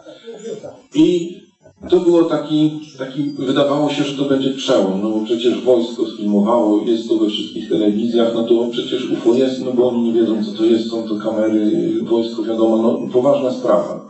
Y, Ten film jakby był takim przyczynkiem organizacji głównie USA do tego, żeby występować o odtajnienie różnego rodzaju informacji i jakby naciskanie na rząd, aby informacje o UFO były ujawnione i że jednak są na to dowody. To był taki as w rękawie. I to tak było prawie rok w zasadzie. Były wiadomo listy, odpowiedź, tak, to wszystko trwa. I myślę, że coś z tym musiano zrobić. Po roku pojawia się Discovery program, nie wiem czy ktoś z Was widział, y, w którym właśnie podejmuje się temat tego filmu. I y, pokazuje się, że y, y, po prostu pokazuje się ten przypadek, że wojsko bardzo chce wytłumaczyć, co to, co to właściwie zostało sfilmowane. I nagle do pomocy bierze jakiegoś ufologa z Ameryki, dokładnie nie wiadomo kto, to tam podają nazwiska. Ten ufolog niby ma z pomocą y, wojska dotrzeć czy wyjaśnić, co to właściwie było za UFO i tak dalej. No i fajnie się zapowiada, no bo tu współpraca i tak dalej. Po pierwsze już mnie zastanowiło, od kiedy to wojsko bierze ufologów do pomocy, żeby wyjaśnić sprawy swoje wojskowe i tak dalej. No ale oglądam dalej ten film, po czym pan ufolog spogląda na mapy, jak to tam ten samolot leciał, o której godzinie, no i wsiada do tego samolotu razem z wojskowymi do takiego samego samolotu, lecą tą samą trasą, no i on nagle bierze sobie lornetkę przez okno, patrzy sobie tam, no i co widzi? Widzi gdzieś tam platformy wiertnicze, które mają takie kominy i te kominy się tam zapalają, po prostu jest tam źródło ciepła. No i wspaniale, wspaniale pan ufolog wytłumaczył wszystkim, że to nie były żadne UFO, tylko to były sfilmowane wieczorem platformy wiertnicze, które na kamerach podczerwieni pojawiły się jako kulki ciepła, po prostu źródła ciepła. No i sprawa jest teoretycznie wyjaśniona, ale oczywiście... Czyli po prostu klucz gęsi, jak zwykle. Klucz gęsi, ale to nie wszystko. Chciałem tylko powiedzieć, że e, ktoś, kto oglądał ten Discovery, może oczywiście, e, oczywiście w to uwierzyć, że to były platformy wiertnicze, ale ja tylko dodam, bo ja e, ta, ten film, gdzie ci wojskowi to nakręcili, tam są ich komentarze, e, oglądałem z tłumaczeniem, bo on jest chyba w języku hiszpańskim. I e, po prostu powiem tylko tyle. To był samolot wojskowy z, z elitarną jednostką y, wojska y, meksykańskiego, który miał kamery na podczerwień zainstalowane pod samolotem. I ja się teraz pytam, czy, czy taka elitarna wojskowa jednostka może pomylić platformy wiertnicze z obiektami, które lecą, jak oni tam mówią na tym filmie, na ich wysokości, czyli na iluś tysiącach metrów? To co by było, jakby zdecydowali się je zestrzelić? To by platformy chyba zestrzelili. To jest wręcz nieprawdopodobne. Uważam, że to jest totalna manipulacja tutaj ze strony mediów, aby w ten sposób interpretować te fakty, bo to jest niemożliwe, żeby wojsko pomyliło platformy z obiektami, które lecą na jakiejś wysokości. No to jest wręcz oczywiste. Więc dlatego mówię, że nie tylko jeżeli chodzi o Amerykę, Amerykę ale również i w Polsce znamy takie przypadki, kiedy y, wojsko czy inne instytucje y, próbują tłumaczyć w sposób idiotyczny takie zjawiska po to tylko, żeby pokazać, że one są wytłumaczone. Bo teraz w Ameryce, jeżeli ktoś chce opierać się o ten dowód, o ten film i popierać, że to jest dowód na na istnienie UFO, to mówi się, no ale przecież wasz ufolog powiedział, że to były platformy, więc co wy chcecie? Sprawa jest zamknięta i robi się to w ten sposób y, od jakiegoś czasu zauważam i taka jest tendencja. Natomiast dowody naprawdę są. Y, Trzeba tylko chcieć do nich dotrzeć i to wszystko. I, i taka jest prawda. Po Czyli na razie mamy dowody na dezinformację. Proszę Państwa, ponieważ e, telewizja jeszcze tu chce zrobić e, wywiad z naszymi gośćmi, mamy godzinę 15, spotkajmy się za 10 minut, zróbmy krótką przerwę. Za 10 minut spotykamy się tu z powrotem na sali. Zapraszam już na salę. Przerwa nam się przedłużyła, bardzo Państwa przepraszam za to, ponieważ e, tutaj była niedokończona prezentacja Pana Władysława. Poproszę o to uzupełnienie. Proszę Państwa, nie będę długo mówił o tym. Przedstawiam się jeszcze raz, skąd jesteśmy w ogóle z kolegą, ale po prostu chciałem tylko po prostu powiedzieć o kilku rzeczach. To są moje zainteresowania. To chciałem przedstawić, jak tego nie było. Tam jest fizyka teoretyczna, kwantowe układy i tak dalej. Wpływ fal elektromagnetycznych na żywe organizmy. Fizyka medyczna, to taką mamy w instytucie. Propagacja fal. Jestem tylko falowcem, także słucham, oglądam. Jest też fajna rzecz. Chwili Hawking bardzo mało popularny. Ja nie lubię obserwować przyrodę, ale chciałem pokazać te dwie rzeczy. Czy zwrócić uwagę, czy słyszeliście kiedykolwiek o efekcie Kazimira, Kazimira i opróżni? To jest bardzo fajna rzecz, lata 70. czy 60. nie kolega poprawi. Chodzi o taką rzecz, że nasz próżnia, czyli w zasadzie żyje, to oscyluje. Według zasad fizyki, czyli żeby rzeczy powtarzalnych, mierzalnych, sama próżnia nie może być spoczynku. I te fluktuacje to są, to są, to one żyją, znaczy sama próżnia, czyli przestrzeń oscyluje. Można to zmierzyć w każdym laboratorium. Jest przykład, jak można to zmierzyć. Widzicie dwie łódki, jak one płyną y, y, równolegle, to się istnieją siły sprawa Bernoulliego, że łódki się ściskają. Właśnie w taki sam sposób można wytłumaczyć, że te, te płyty, płyty się przyciągają. To nie jest grawitacja, to nie jest elektromagnetyzm. To są fluktuacje próżni, czyli ten efekt Kazimira. Każdy może sobie w internecie znaleźć mnóstwo materiałów, efekt mierzalny w ogóle, tutaj jak można go zmierzyć? Kulka taka styropianowa, maleńka, mikrokulka, laser, światło, zbliżamy tą kulkę, no i nie możemy wytłumaczyć, y, możemy wytłumaczyć tylko efektem Kazimira i to dość dużym, że ta kulka jest przyciągana przez każdą powierzchnię. Fluktuacje poróżnic, to, to jest ciekawym, najciekawszym bym powiedział materiałem. No i jeszcze na koniec y, taki album moich zdjęć orbsów fotograficznych, wszyscy wiedzą o co chodzi, tylko właśnie jest światło za duże. Tu sfotografowałem chyba kulik, ale nie jestem pewien. Czy tam coś widzicie, o widzicie tego konia.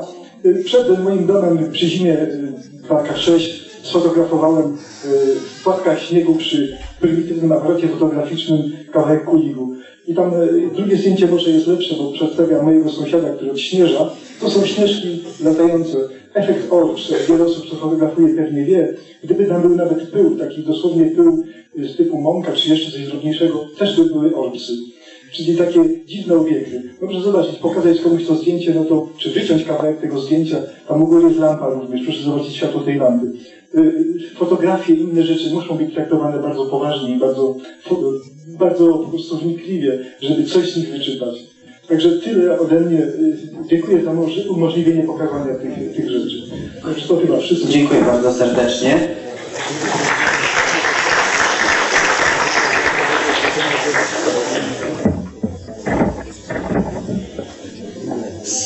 Powodu braku czasu ograniczymy się tutaj tylko do pewnych fragmentarycznych dowodów. Chciałbym tu jeszcze Państwu pokazać kilka dodatkowych rzeczy, na których może nie widać orbsów, ale widać znaczniejsze okazy.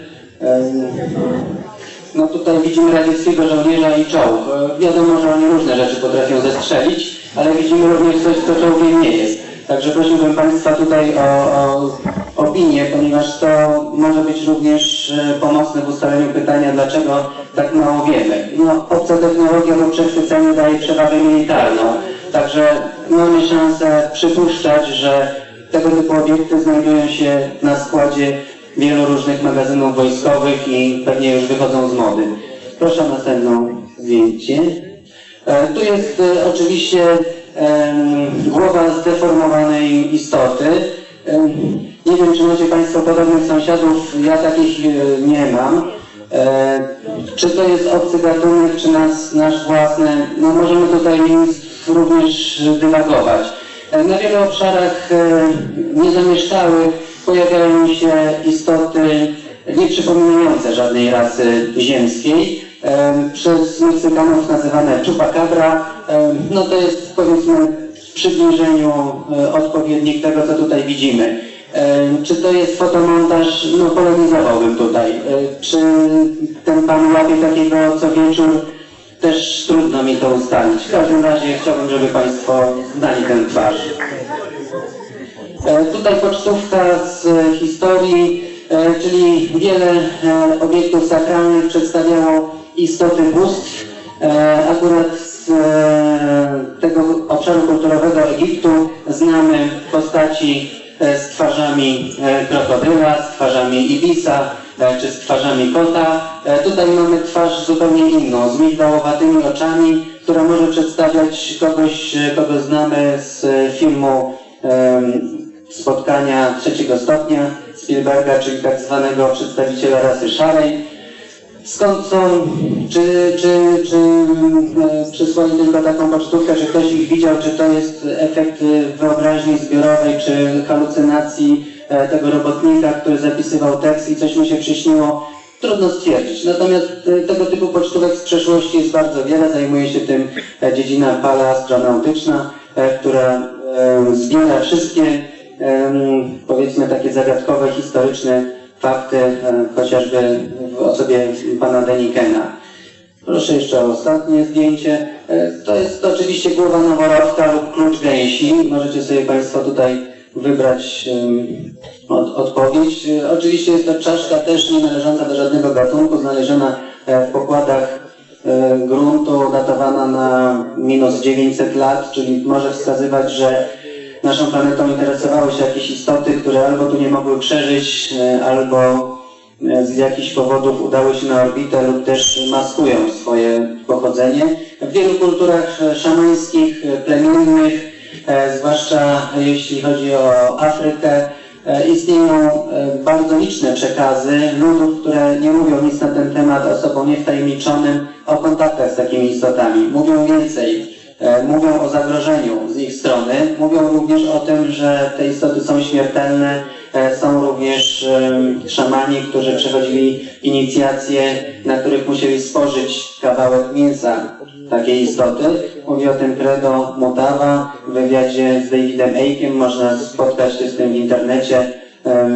To jest kwestia tylko sprawności wyszukiwarek. Proszę o światło, dziękuję tutaj za tą prezentację. Chciałem tylko zasiać ziarno niepokoju i dołożyć się do tego pytania, jaka może być przyczyna naszej niewiedzy. Czyli mamy hipotezy związane z tym, co jest nieodnalezione, co, co jest w ziemi lub pod e, wodami, tak jak e, Atlantyda mityczna. E, Mamy podejrzenia, że mogą być przetrzymywani obcy wraz z statkami przez agencje rządowe. Strefa 51 na pewno jest każdemu znana. E, Tak jak tu wspominaliśmy o tajnych technologiach, jest to na pewno gratka dla każdego rządu. E, Możliwe, że również te istoty potrafią się maskować. E, Też są pewne dowody na to, że są zmiennokształtni. Również musimy sobie zadać pytanie, czy należą tylko do strefy fizykalnej. Czy również tak jak tutaj Padło pytanie w publiczności, dlaczego by nie badać osób pod hipnozą, które zostały porwane lub miały tego typu kontakty, e, czy to również mogą być e, pewnego rodzaju dowody. Co dzieje się na przykład e, z parasensami, czyli osobami, które są bardzo wrażliwe i potrafią wychodzić poza ciało, bądź też, tak jak e, na odległość potrafią podróżować, wysyłając swój umysł i e, zgodnie z relacjami osób e, werbujących e, takich e, zdolnych, takie zdolne media, również i na Marsie, i na Księżycu istnieją rozmaite budowle, które są poza obszarem naszego zainteresowania. Czyli zastanówmy się również, dlaczego nasza technologia pozwala nam na odwiedzanie chociażby Księżyca, a dlaczego od lat e, 70. nikogo tam właściwie nie było. To są też pytania, które warto byłoby zadać, natomiast mamy tutaj mało czasu. Rafał zaproponował tutaj wymianę informacji. E, Chciałeś zapytać kogoś o coś. Bardzo proszę. To znaczy, ja pytałem, czy będzie taka, taki punkt w programie, żeby pytać się jakby nawzajem.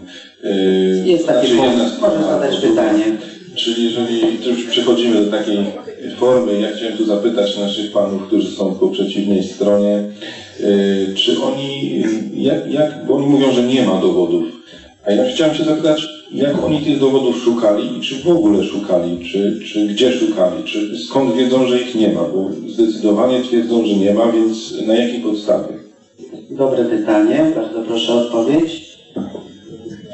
Proszę Państwa, no yy, ja powiedziałem, że ja nie wierzę i jak ktoś mnie chce przekonać, to mi powinien ten dowód przedstawić. Dlaczego ja mam e, szukać yy, dowodów na coś, co nie wierzę, że istnieje? No proszę mi przedstawić dowód. Ale ja, ja, ja pozwolę sobie przerwać. Pan mówi od razu, że Pan w to nie wierzy, dlatego Pan nie szuka dowodów, ale Pan Nie, mówił nie, na nie, tej nie. sali przed chwilą, że tych dowodów nie ma, a to są dwie różne rzeczy. No nie ma dowodów i dobrze, no być może Nie, nie. nie ma dowodów i, i, i ja, y, no, Ale- nie jest moim zawodem, ja się tym Pana, ale profesjonalnie ani amatorsko nie zajmuję. Jeżeli Państwo wy, zna, e, państwo wygenerujecie albo znajdziecie taki dowód, no to wtedy będziemy dyskutować. Ale przepraszam bardzo, pan sobie sam zaprzecza. Najpierw pan mówi, że tych dowodów nie ma, a teraz pan mówi, że pan nie wierzy i pan ich nie szuka, więc to jest chyba sam, samo zaprzeczenie. Nie, nie, nie, nie, proszę Państwa. No, proszę Państwa, to ja mówię, że nie ma. I ktoś, kto chce zaprzeczyć mojemu zdaniu, to powinien mi prosty jest tylko jedna możliwość, przedstawić ten dowód. Ale- A czemu ja, ja mam najpierw szukać czegoś, czego nie ma?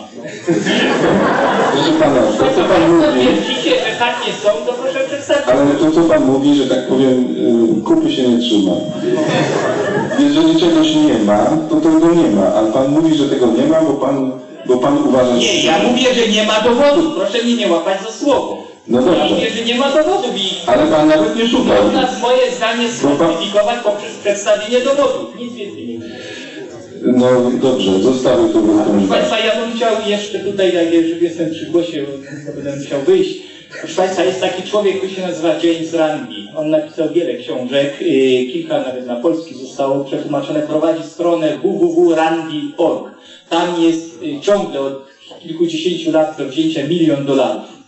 Wszyscy, którzy twierdzą, że właśnie różne takie potrafią rzeczy, mają dowody, bądź potrafią w warunkach kontrolowanych, tam nie są trudne warunki, to wystarczy kilka kamer i, i specjalista, najzwyczaj, zwykle jest to prestidigitator, yy, także każdy, który twierdzi, że tam gdzieś tam może yy, pewne, no, supernaturalne, ja to użyję terminu, ma właściwości, może po prostu zażądać tego miliona dolarów z odsetkami, chyba to już jest większa kwota. E, to jest zostanie przeprowadzony taki eksperyment na koszt tej fundacji. Proszę Państwa, jest milion dolarów do wzięcia. Więc myślę, że jeżeli ktoś ten milion dolarów weźmie, będziemy mieli dowód na to, że pewne takie zjawiska są. Dziękuję. Ponieważ tamto pytanie wydaje mi się było trochę trudne, zadam łatwiejsze.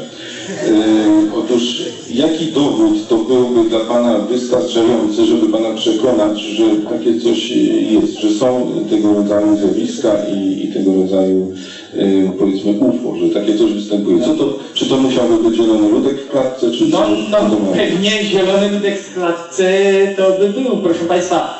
Y, Chcecie w tej chwili, znaczy to jest pytanie tego typu, czy ja mam udowodnić, że potwór z Loch Ness nie istnieje? No co ja mogę za to? No, Ale Pan założył od razu, że nie istnieje. Tak, no, no to nie ma dowodu, że istnieje. Jest No właśnie, ale, nie, ale nie mo, naukowiec nie może zakładać z góry, że czegoś nie ma, tylko dlatego, że w tej chwili nie ma na to dowodu. ale państwa, powinien tych dowodów szukać. Ja panu mówię, że takie Ja nie jestem w stanie szukać dowodów na UFO, dowodów na potwora z Loch Ness, dowodów na to, że ktoś potrafi siłą woli giąć łyżeczki. No nie jestem w stanie tego wszystkiego wykonać. Akurat y, Ja tylko po prostu, jeżeli ktoś się tam twierdzi, że potwór z Loch Ness istnieje, to niech znajdzie dowód na to. Jeżeli ktoś twierdzi, że... Proszę Państwa, tutaj ja, ja nie, nie chciałbym nikogo obrazić, ale wiedza, informacja, zdobycie to jest, to bardzo pracochłonna rzecz, że proszę Państwa, no, no, fizyka jest piękna, zajrzyjcie do podekwiu, nauczcie się czegoś. Y, Ja wiem, że to, to jest fizyka na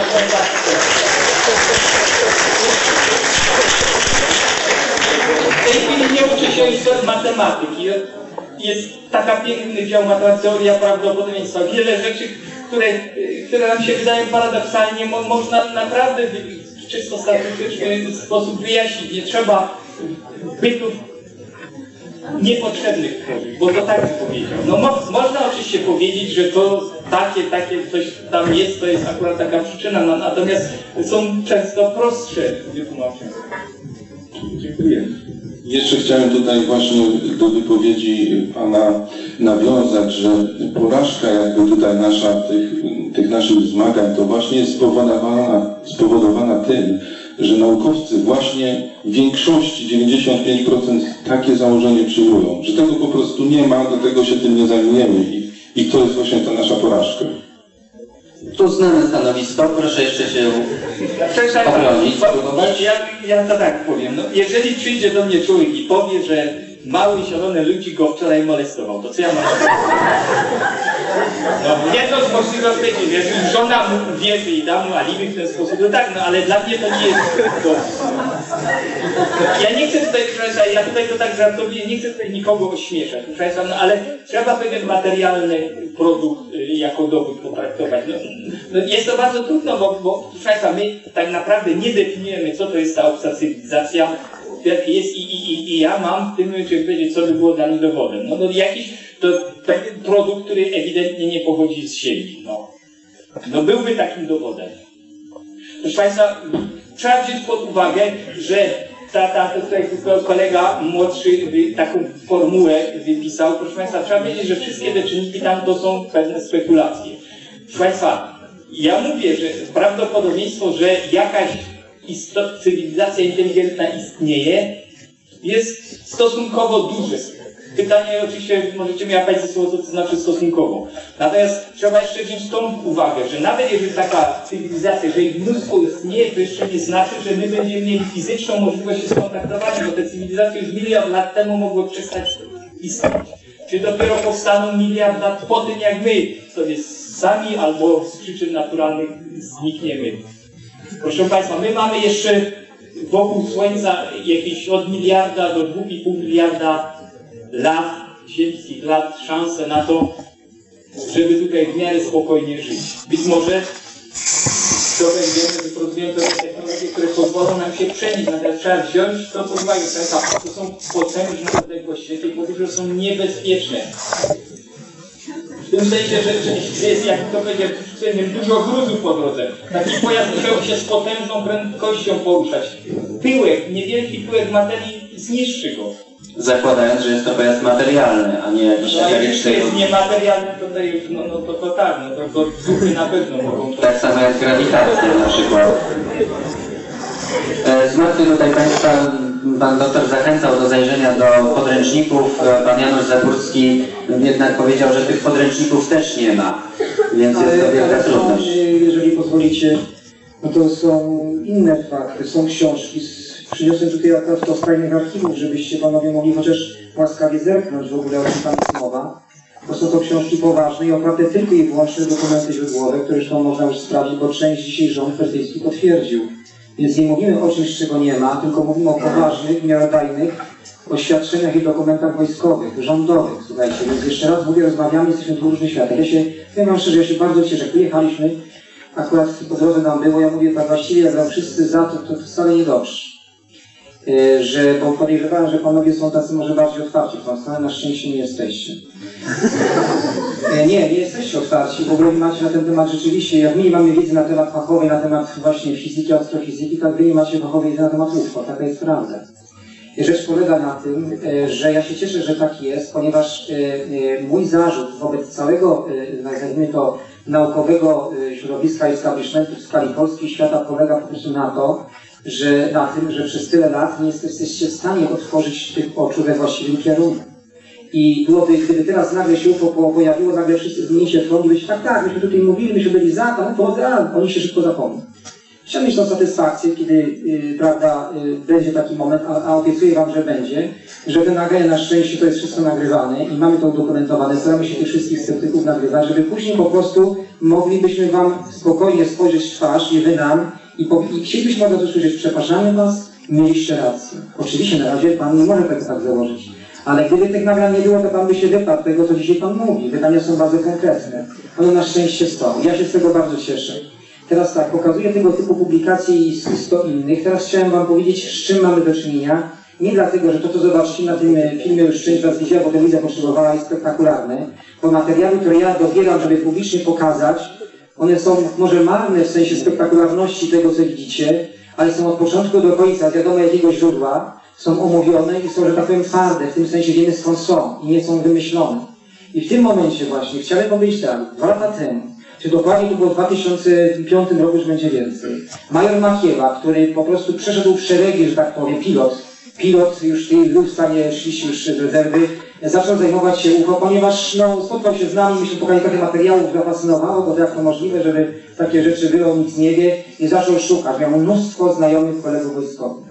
I trafił na rzecz, o której byśmy wiedzieli, ponieważ w raportach pułkownika Grundmana, który był wyraźnie powiem, szefem bezpieczeństwa lotów sił powie, powietrznych, sił e, prawda, powietrznych i obrony terytorialnej kraju w latach 1981-84 żyje, mieszka w Warszawie, dysponuje telefonem, panowie, służę. E, On był szefem bezpieczeństwa lotów. Odpowiadał za to wszystko, żeby wszystkie ćwiczenia, jakie są w polskim wojsku, głównie chodzi o lotnictwo, były po prostu bezpieczne. A ponieważ pojawiały się dziwne zdarzenia nad polskim niebem, które temu bezpieczeństwu zagrażały, w związku z tym profesjonalnie gromadzono opisy i raporty takich sytuacji. I jedną z nich jest słynna historia z 31 sierpnia 1979 roku z Mierzęcina, gdzie siedem maszyn migów z siedmioma pilotami robiło normalne, rutynowe nocne ćwiczenia. W czasie tych ćwiczeń wszyscy doznali niesamowitych doświadczeń, również wzrokowych, bezpośrednich, z manewrującymi y, kilkoma różnymi obiektami. Jeden z tych pilotów, teraz na wysokości około 6-7 tysięcy metrów, zobaczył pod sobą gigantyczne plamy światła, bo tak to w nocy było dla oka, które wydawało mi się, się Warszawa się pali, nawet dał taki komunikat, że chyba się Warszawa pali, oczywiście za chwileczkę to wyprostowano, nie no, Warszawa się nie pali, to nie jest Warszawa. Zrobiono z tak zwanego fotoradaru, który zainstalowane są wszystkie samoloty bojowe, mają tego typu urządzenia, żeby być fotografią już w nocy, zrobiono po prostu kilka zdjęć. Jedno z nich, bo chciałem strasznie poobcinać, bo gadał tak za dużo zagaduję, przepraszam. Jedno tylko z tych zdjęć, które major Makieła omawia, tu mi troszkę widzę, że sobie słyszał, omawia i mówi. Słuchajcie, was bym prosił o te zdjęcia. To mnie trwało y, y, y, sorry. Proszę Państwa, to jest niby nic. To jest zdjęcie, jedna stopklatka, którą on wyświetlił na ekranie, miałem kamerę nagrania, było około 50 osób na sali.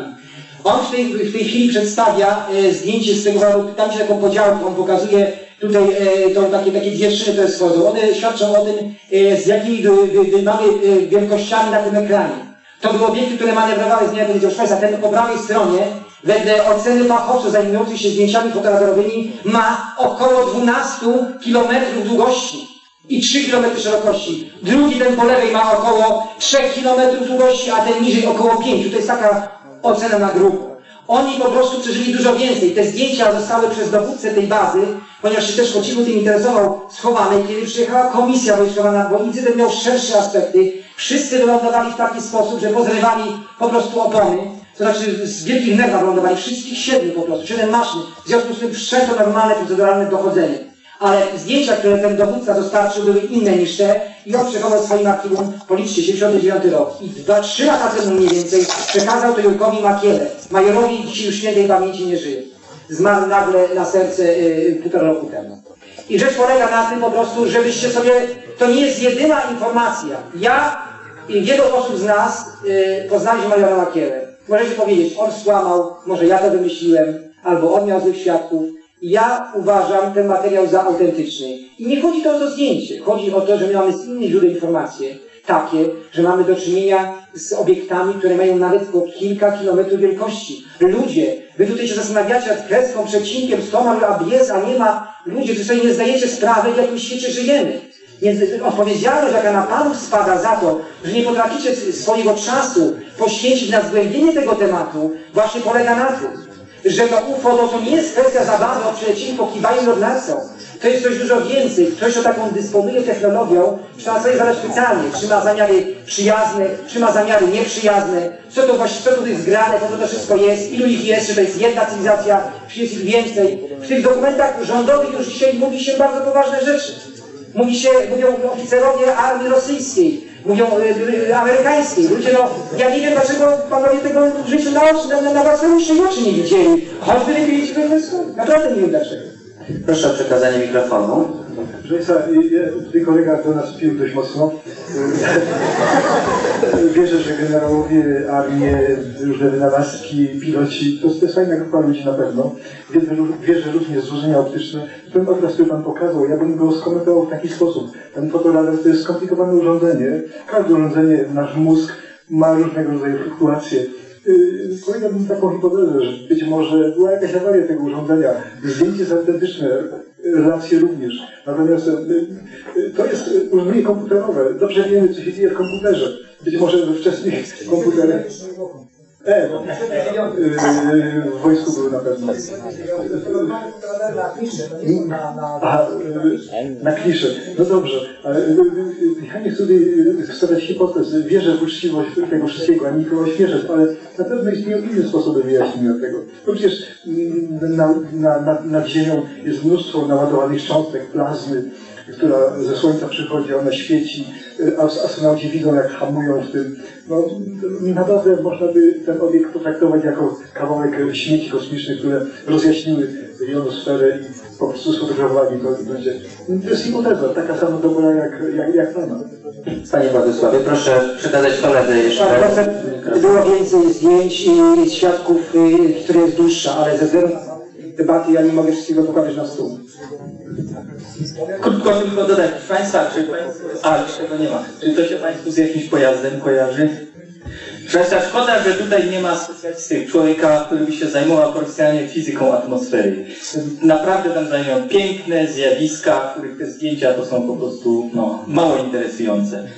Yy, naprawdę, jeszcze chcę powiedzieć, fizyka jest piękna, wiele fenomenów przeczących naszej zdroworozsądkowej interpretacji można pokazać yy, doświadczami. Proszę Państwa, mm, ja nie kwestionuję autentyczność tego zdjęcia, natomiast kwestionuję to, że to jest pojazd kosmiczny. W ogóle to, to, to jest, proszę Państwa, no, no właśnie, no ale w domyśle tutaj jako argument, że trzeba obcych y, ścigać. Za wykroczenie, przekroczenie prędkości, nie wiem. Proszę Państwa, y, y, i w tej chwili są aparaty cyfrowe bardzo tanie, powolnie dostępne, robienie zdjęć sobie. Państwa, wakacje kiedyś zacznijcie robić zdjęcia chmurą. Jesteście, jestem przekonany, że w ciągu kilku takich dni poświęconych na tego zostawicie kilka wspaniałych zdjęć, które jak pokażecie komuś innemu, to będą w cuda wierzyć. Jeżeli to odpowiednio skomentujecie. Dziękuję. Krytyka krytyki, bardzo proszę. To znaczy, chciałem tylko tutaj napomknąć. Yy, mówiłem na początku, że wszyscy mówią o UFO, kojarzą to, co, yy, jak mówi się widzę UFO, to każdy szuka na niebie spotka albo pojazdu, który będzie uważał, że to jest pojazd UFO. Yy, po pierwsze, to pojazdy UFO wcale nie muszą wyglądać, wyglądać jak pojazdy, po pierwsze. Po drugie, tutaj Janusz o tym nie mówił, ale to zdjęcie, które tu jest, to y, Pan zakłada, że to może być jakieś zjawisko atmosferyczne. Ja akurat nie znam się na, na zjawiskach atmosferycznych i jakie one mogą wywoływać zdjęcia, ale wiem też, że w materiale, który y, Pan Makieła przedstawiał nam, była mowa o tym, że piloci, pilot, przynajmniej jeden z tych pilotów, który leciał tym samolotem, y, leciał blisko właśnie tej chmury czy, czy tego obiektu, on, y, samolot jego zaczął, nie mógł nim sterować przez jakiś czas. On zszedł z kursu, a tego nie może wywołać jakaś tam chmura plazmy, myślę. Po prostu to, to coś musiało być innego. Y, to, nie, to są relacje wojskowe bardzo wiarygodne, bo to, to nie są ludzie jacyś tam, co sobie latają w aeroklubie. Po prostu to była bardzo szeroka sprawa. I tutaj jest szereg szczegółów, które mówią, że to, to, to nie mogło być. Może to akurat to zdjęcie to była chmura, ale coś w tym, w tym się działo. No, y, chociażby to, że siedem samolotów po, takiej, po takich manewrach ląduje i w każdym strzelają opony. No przecież to chyba nie jest przypadek. No, ja nie słyszałem o drugim takim. Mikołaj, proszę. Tu by mi się teraz pendrive mi przydał, bo machamy jak na razie rękami w kwestiach atmosfery. Czy mógł prosić o podłączenie mojego pendrive'a, bo wyjdziemy poza atmosferę i poza Ziemię. Czy z Twojego punktu widzenia wszyscy jesteśmy kosmitami, bo kręcimy się wokół galaktyki? Nie, nie, o- nie o to mi chodzi. E, Może czekając na pendrive'a oddajmy głos publiczności. Wstrzymaj się chwileczkę Mikołaj, przygotuj się dobrze, proszę. Fantastycznie, dziękuję bardzo. To ja pozwolę sobie na kilka komentarzy odnośnie debaty, którą usłyszałem. E, Pierwsza kwestia to jest dotycząca, dotycząca Pan Rafał bodajże mówi tutaj o statku kosmicznym, który, e, czy pozaziemskim, który może osiągać prędkość ponadświetlną. Oczywiście, teraz na, no, jest to bzdura z punktu fizycznego. Natomiast czy... Słucham? nie zupełnie. Ale... Podyskutujemy, na sekundkę, dobrze? Ja, oczywiście- ja nie jestem, e, nie, nie studiuję fizyki, ani nic takiego, ja się bardziej interesuję tym, e, tymi zjawiskami. Natomiast chciałem powiedzieć, że tutaj pan profesor po prawej stronie, niestety nie znam, nie, o tak, dokładnie w szarej marynarce, ostentacyjnie machnął ręką. Okej, jest fizykiem, rozumiem jego założenia, natomiast na przykład, gdy, gdyby 200-300 lat temu zapytać się kogoś, czy człowiek będzie latał, że zbuduje, nie wiem, maszynę latającą i będzie, e, że będzie się przemieszczał między kontynentami, e, że poleci na księżyc, tak samo by go wyśmiali. Ja życzę w tej chwili panu profesorowi, żeby takiej maszyny i żeby prędkość światła nigdy nie została złamana, ponieważ wszystkie pana teorie zostaną po prostu e, zniszczone. Natomiast ludzkości życzę, życzę żeby, żeby, taka, żeby to zostało potwierdzone, co pan, co pan Rafał mówi. Jeszcze sekundkę ja nie dokończę, bo tutaj mam taki fajny ten, no. Następnie, do, dotyczące dowodów, które, e, które, o których mówiliśmy, czy, czy istoty pozaziemskie są tutaj, czy ich nie ma. Ja polecam, osobiście czytałem tę książkę e, e, pana Billego Mayera, to jest Szwajcar, który Szwajcar bez ręki, rolnik, zwykły, prosty człowiek, który nagle miał nie wiadomo skąd w latach 70.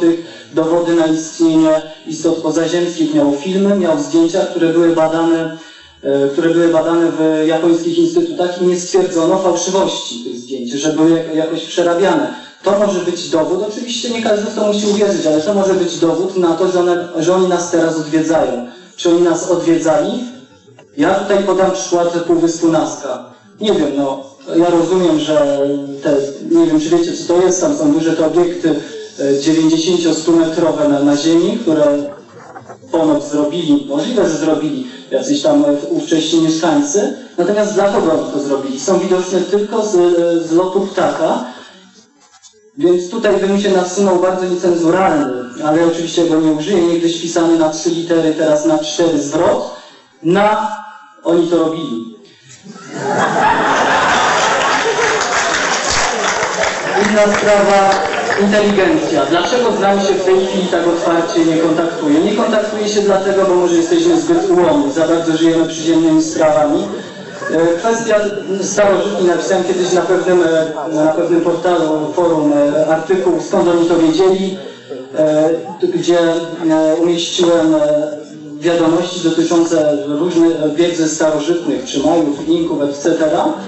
I tam e, oni posiadali, czy też plemię z Rusów, którzy, które posiadało, afrykańskie plemię, które posiadało wiedzę na temat e, Syriusza, jak krąży tam wokół swojej. No nie mam, nie mam pojęcia, nie jestem, nie, nie znam się na fizyce, więc tutaj dokładnie nie powiem. Natomiast te informacje zostały niedawno e, odkryte przez naszych naukowców, którzy mają taką wiedzę, którzy mają taki, przy, takie przyrządy.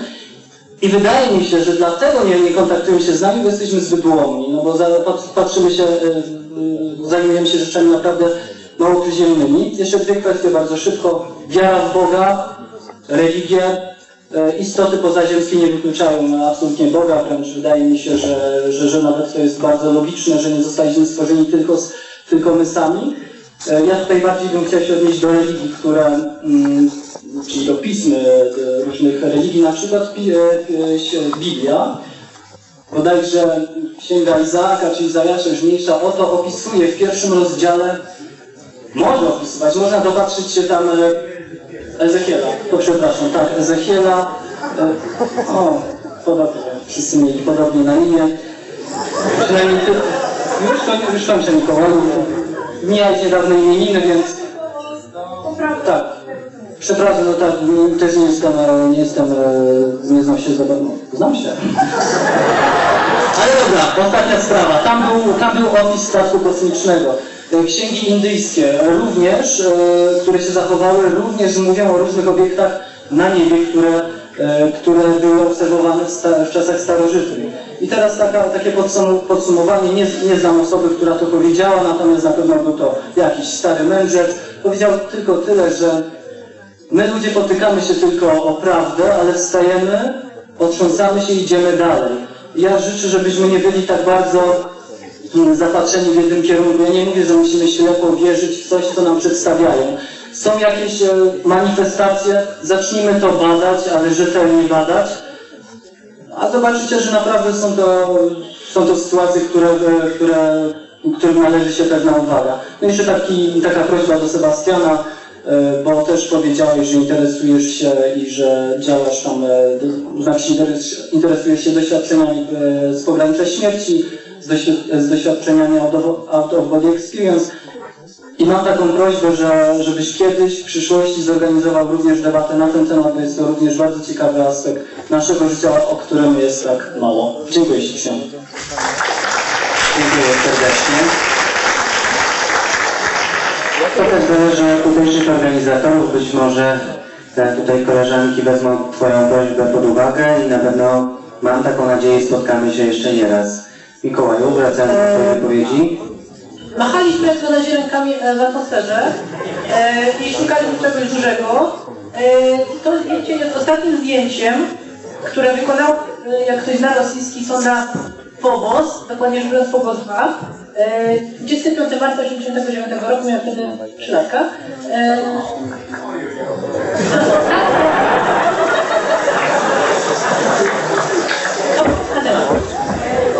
Ostatnie zdjęcie, jakie Phobos w ogóle w swoim życiu wykonał, e, bo następnym to zrobił to zamiast już na wieki. E, więc nie chcę tutaj bagatelizować zdań moich przełożonych. E, natomiast atmosfera atmosferą, fajnie. E, jest czyli trochę, za przeproszeniem, e, dowodów na to, że sprawa nie ogranicza się tylko i wyłącznie do atmosfery. Ta kuleczka na środku zdjęcia to jest z e, Marsa Phobos, do którego ta sonda została wysłana, dosyć obserwacyjną.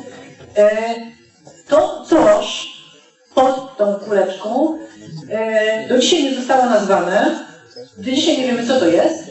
E, za pięknie wygląda, żeby było e, czymkolwiek pochodzenia, e, żeby było startą gruzu, e, celem więzi, e, czymkolwiek bądź w tym guście. E, na dwa dni przed swoim e, ostatnim zdjęciem Phobos zrobiła e, kilka ujęć Marsa.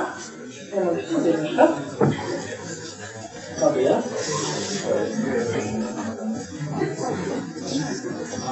Tutaj e, Rosjanie, to jest film z, e, e, z 89, dyskutują a propos tych swoich pomiarów i zaraz, o, e, nie wiem czy to dokładnie będzie widać, bo chyba jest to w odwrotnej kolejności pokazane, ale e, ten cień, który tutaj znika, został zaobserwowany, sorry, może już nie będzie tego, został zaobserwowany na, na, nad Marsem na kilka dni przed ostatnim zdjęciem Kubosa. Dlaczego mówię nad? E, panowie, panowie Rosjanie, dzięki temu, że były to czasy już własności, e, od razu poszli e, ze swoimi rzeczami do prasy, później sprawa umilkła, ale z tego co pokazali, analizując to, można powiedzieć, w trybie live, udowodnili, że ten cień, to tam, plucha e, na zdjęciu Marsa, nie jest na powierzchni Marsa, bo e, przez nią prześwituje przy, prześwitą rzeźbę terenu Marsa. Wobec czego to coś musi być ponad. E, Fajna była hipoteza, że jest coś Fobosa. No, jeżeli e, daktyla można sprowadzić, bo e, satelita masa Phobos jest w kształcie daktyla, można sprowadzić do takiego cienkiego cytona, e, to ja się w takim razie przeniosę z tego mojego wydziału, bo ja nie wiem, co tam robię. E, jeżeli to by było prawdą, jeżeli byśmy mogli sobie tak pięknie rozmawiać nauką, że jest tak fajnie, że e, w dużym przybliżeniu e, daktyl tu też wrzeciono, e, więc można było to utożsamić i machnąć sprawą, machnąć rękę na sprawę. Na następnym zdjęcie, to, które pokazałem jako pierwsze, było ostatnie w historii Fobosa pokazywało coś bardzo podobnego. Osądźcie sami, żadnej, żadnej zjawi- zjawisk atmosferycznych nie możemy mówić e, daleko w kosmosie. Dziękuję za tą wypowiedź. Proszę o światło, ponieważ goni nas czas, mamy prawie godzinę 16. Musimy podsumować. Ostatnie słowo. Czy te fakty, czy też hipotezy, czy też podejrzenia wpłynęły jakkolwiek na zmianę Państwa poglądów? Proszę o komentarz, może zaczynając od Panów Profesorów.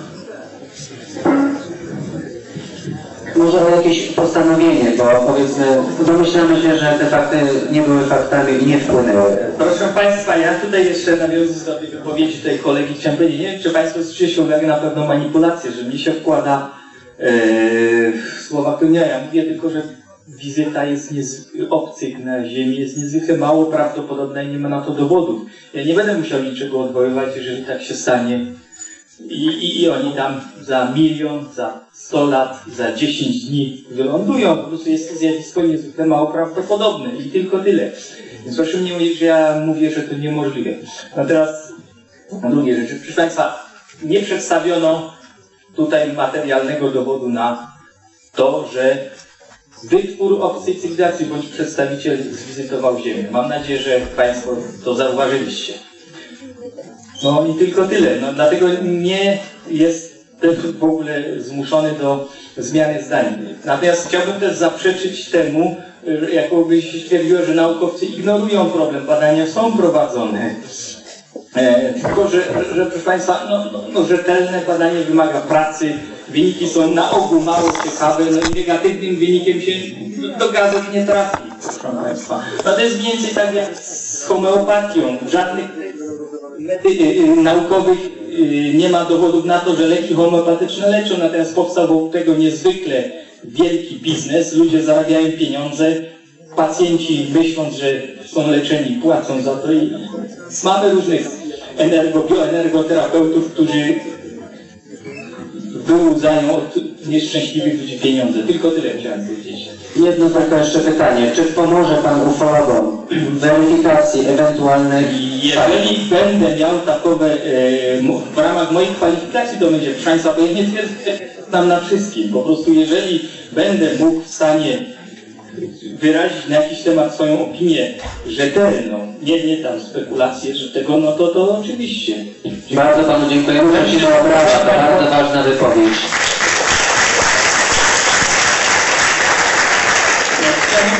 Chyba się wprowadzamy jako z przykrością, bo my z kolegą już musimy za chwilę wyjść, także to dziękuję Państwu za wysłuchanie i za zaproszenie.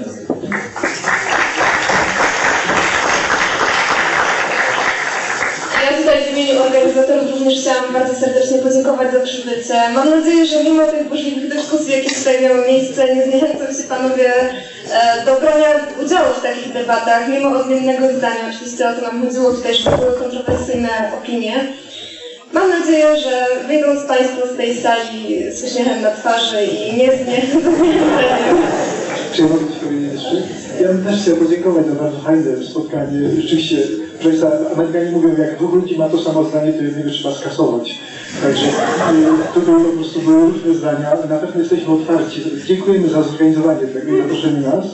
Jesteśmy otwarci na wszelkie, na wszelką, wszelkiego rodzaju dyskusje. Jest internet, robimy to po prostu e, live codziennie. Co jeszcze bym powiedział? Naukowiec nie może, czy człowiek, który zajmuje się nauką, nie lubię tego słowa naukowiec, nie może nawet sobie ufać do końca. Musi powtarzać e, wiele pomiarów, wiele wyników. Także jeżeli coś jest niepowtarzalne, to nie wierzy w to. E, Weźcie pod uwagę, że nasza głowa to jest też przetwornik. Ma różnego rodzaju fluktuacje wszystko, we wszystkim w tej chwili są mikrokontrolery, komputery, które też głupieją czasami. I na koniec powiedziałem, że kosmos jednak jest dość pusty. I żeby stamtąd coś do nas przyszło w sposób taki, powiedzmy, realny, czy na podstawie wiedzy, którą mamy w tej chwili, jest to mało prawdopodobne, ale nie niemożliwe. Dziękuję bardzo.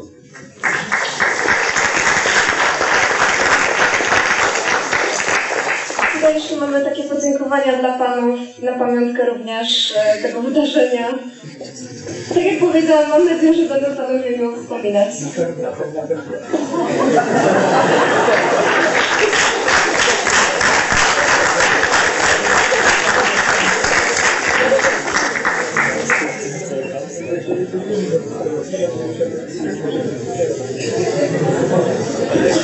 Krótki komentarz, proszę, Januszu.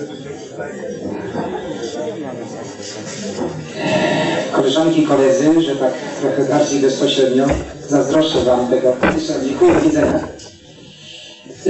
Yy, tego wieku, jaki macie i, i szansy, żeby poznać tajemnice i siebie, i tego świata. Tak naprawdę szukamy gdzieś daleko w kosmosie, szukamy też na Ziemi, a tak naprawdę najważniejsze to jest to, co jest nas. I kiedy ja zacząłem zajmować się UFO, to była taka wiedza zewnętrzna, ona zresztą nadal taką jest. Ale zetknąłem się później z głębszym wymiarem tego doświadczenia, bardziej duchowym. Zetknąłem się z ludźmi, których opowieści, przekazy, informacje w żaden sposób nie są do sprawdzenia, do stwierdzenia, tak jak w przypadku zdjęcia czy obserwacji świadków, dużo łatwiej, jak jest ich więcej.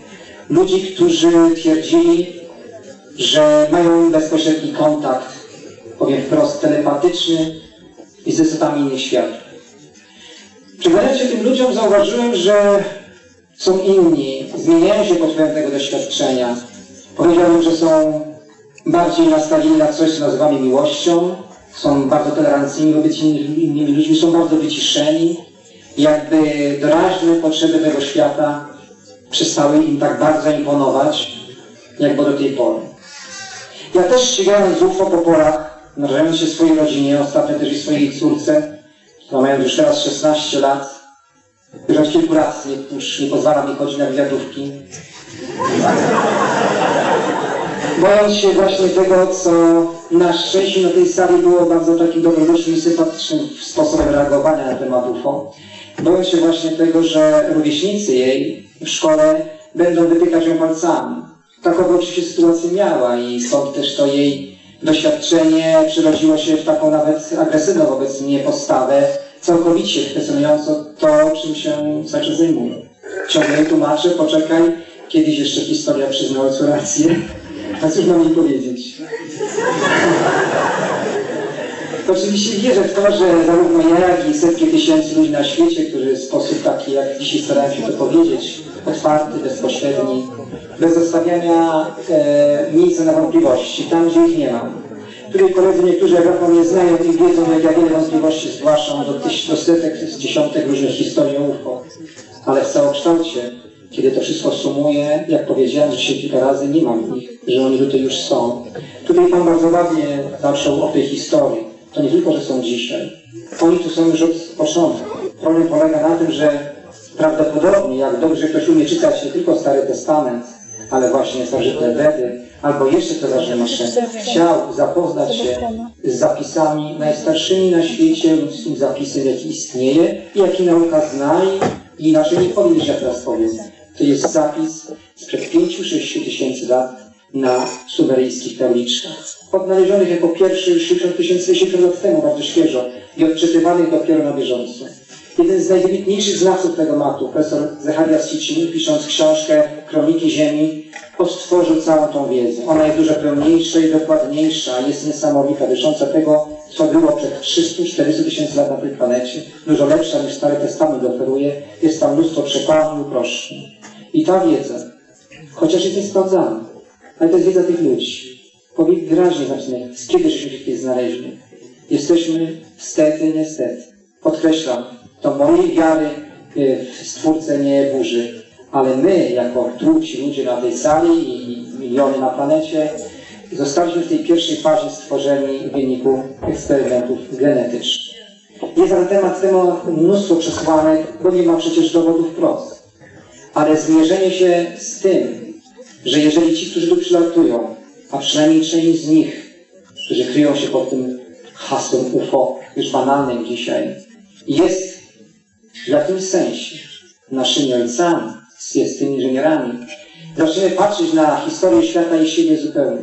Ludzkość wedle tych przekazów, które wspomniałem, tych ludzi, których zacząłem podziwiać za ich spokój, za ich głębię duchową, za ich pewność tego, co mówią, nadchodzą czasy, kiedy ta prawda o tym, że oni nie są bogami, tylko są takimi istotami jak my, tylko może wyżej technologicznie i duchowo rozwiniętymi.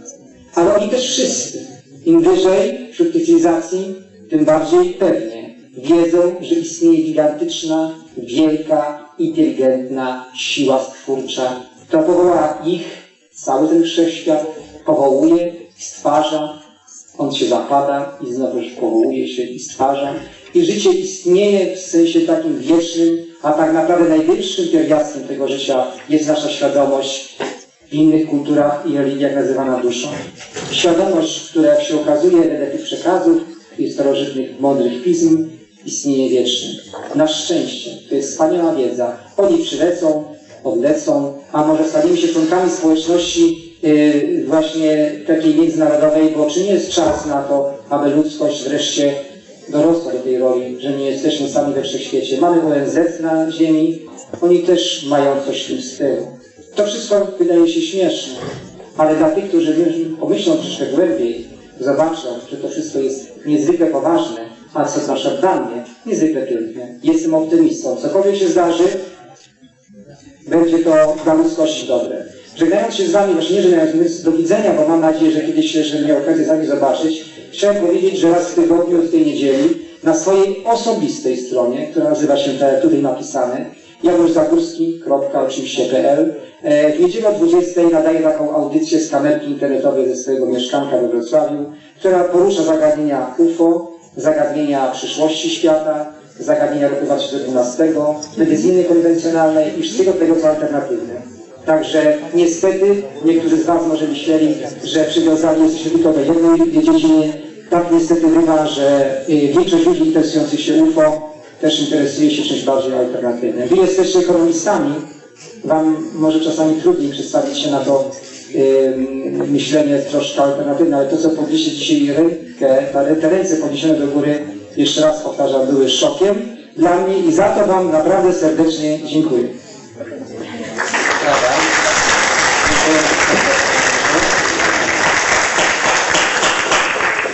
Mikołaj, krótkie podsumowanie. Zabrzyj całą swoją treść. Dobrze. E, nie będzie wiele słów ode mnie, natomiast dwa cytaty. Jeden ze znajomego księcia, e, tak, duńskiego, jest więcej rzeczy na niebie i ziemi niż śniło się naszym filozofom. E, a drugi, Zatura Czarka, który był tutaj już przywoływany, e, każda wysoce zaawansowana technologia jest nieodróżnialna od magii. I z tymi dwoma cytatami i z okolicznościami zapoznajcie się, bo czasami chcę powiedzieć co innego. Mówimy to, co powinno przejść do historii e, jako te mądrości ponadczasowe i ponaddyscyplinarne. Cóż, Hamlet chyba miał rację. Dziękujemy Ci bardzo serdecznie. Brawa Mikołaja. Kamilu, bardzo proszę, komentarz. Chciałbym bardzo podziękować wszystkim e, tutaj gościom, którzy się wypowiadali, ponieważ e, wszyscy mieli e, tutaj okazję zetknąć się z jednym i drugim biegunem, czyli z osobami, którzy się, które wierzą i, i, i bardzo są optymistami i, i z sceptykami. I każdy tutaj kto wysłuchał wypowiedzi, wypowiedzi gości ma, ma teraz prawo i możliwość wypracować sobie własne, własne zdanie y, na temat, na temat tych wszystkich zjawisk, o, o których mówiliśmy. Y, Ja y, osobiście bardzo bym chciał, żeby się spełniło to, co mówi pan, pan Zagórski, żeby, żeby kiedyś właśnie odwiedzili nas goście z innej planety, bo uważam, że, że wtedy nasza ludzkość mogłaby coś z tego bardzo pozytywnego wynieść. Dziękuję bardzo. Dziękuję. Chciałem tylko powiedzieć, że tego rodzaju spotkania, kiedy spotykają się osoby zajmujące się tymi zjawiskami, potocznie mówiąc ufolodzy, spotykają się z naukowcami, to są bardzo rzadkie rzeczy. Yy, Bardzo to jest rzadkie, powiedzmy. I yy, często jest tak, że naukowcy yy, w ogóle obchodzą szerokim łukiem tego rodzaju zagadnienia. Jedynie w jakichś prywatnych, kameralnych rozmowach przyznają, że tym się interesują. Dlatego niezmiernie jestem wdzięczny, że tutaj takie publiczne wystąpienie, takie spotkanie miało miejsce. Co jeszcze tutaj o tym głosowaniu? Ja myślę, że e, jak było to głosowanie i mimo, że większość tam opowiedziała się, że wierzy w te zjawiska i myślę, że tych osób byłoby jeszcze więcej, dlatego że ja znam też z prywatnego podwórka, że osoby nie przyznają się do tego. One e, w jakimś swoim e, otoczeniu mówią, że e, się tym interesują, naśmieją się z tego, też śmieją się nawet ze mnie i nabijają się, że ja się w ogóle tym zajmuję. Natomiast jeżeli spotykamy się sam na sam, to one się wypytują i są bardzo cie- zaciekawione tych rzeczy. Więc widać, że inaczej, inne jest zachowanie ludzi w gronie takim wię- większej ilości osób, a inaczej właśnie, gdy się z nimi rozmawia oddzielnie. Dlatego myślę, że tych osób tutaj tak naprawdę jest jeszcze więcej i myślę, że będzie ich coraz więcej, dlatego że temat ten jest już inaczej traktowany, nawet przez media. Pamiętamy, kiedy ileś lat temu, y, jakie były śmieszne artykuły o Wyrakowie i tak dalej, po prostu było tylko nabijanie się prasy. W tej chwili y, już jest to trochę inaczej, już oczywiście nikt nie przyzna, tak jak tutaj ja wcale nie sądziłem, że uda nam się przekonać naukowców i oni powiedzą, tak, no przecież macie takie dowody, tak, UFO musi być.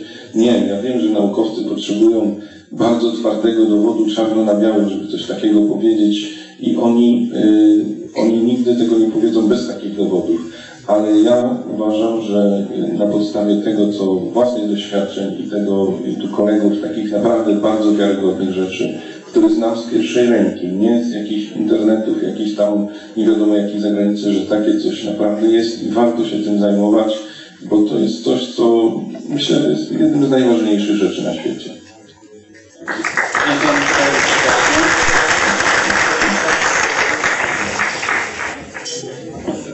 Proszę Państwa, mieliście okazję zapoznać się z prezentacjami naszych gości. Macie szansę wyciągnąć własne wnioski. Chciałbym teraz przeprowadzić króciusieńki test wartości. Czy warto było zorganizować to spotkanie? Czy choć jedna osoba zmieniła swoje zdanie i zawarte tutaj treści wpłynęły na jej poglądy? Czy chociaż jedna osoba zmieniła zdanie i przestała twierdzić, że odwie- odwiedziny przez obcą cywilizację są niemożliwe? Czy ktokolwiek zdecydował się poddać pod wątpliwość takie twierdzenie? Czy jest chociaż jedna osoba, której się wydaje po tym dzisiejszym spotkaniu, że rzeczywiście obce cywilizacje mogą nas odwiedzać?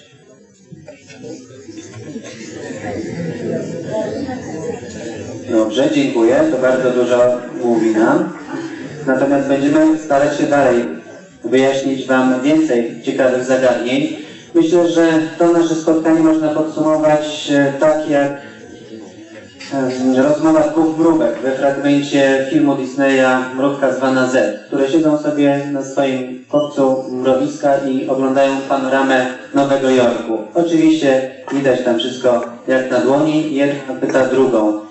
Czy wydaje Ci się, że gdzieś tam we wszechświecie również istnieje inteligentne życie? Proszę Państwa, ja ze swojej strony skomentuję to tak. Jedni wierzą, bo się nie zetknęli, inni wiedzą, bo poznali. My nie przedstawiamy tutaj żadnych materialnych dowodów.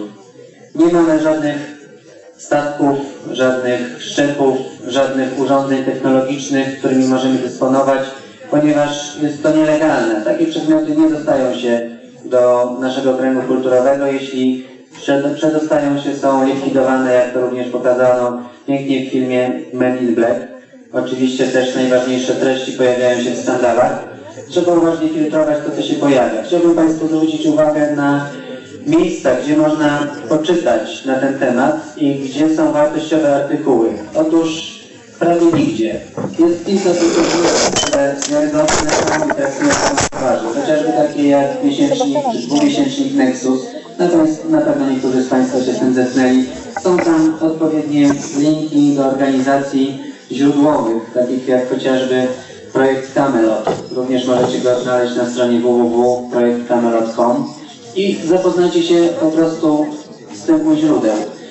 My też mamy wielu znajomych, wielu przyjaciół, którzy twierdzą, że spotkali, że rozmawiali, że widzieli, znamy i mamy ich relacje, wszystko to jest udokumentowane.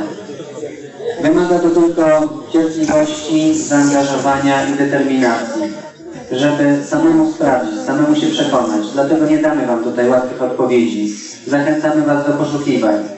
Według mnie należy tworzyć małe zespoły poszukiwawcze, które będą analizować poszczególne przypadki, które będą wysyłać również badaczy na miejsce, którzy sami się przekonają.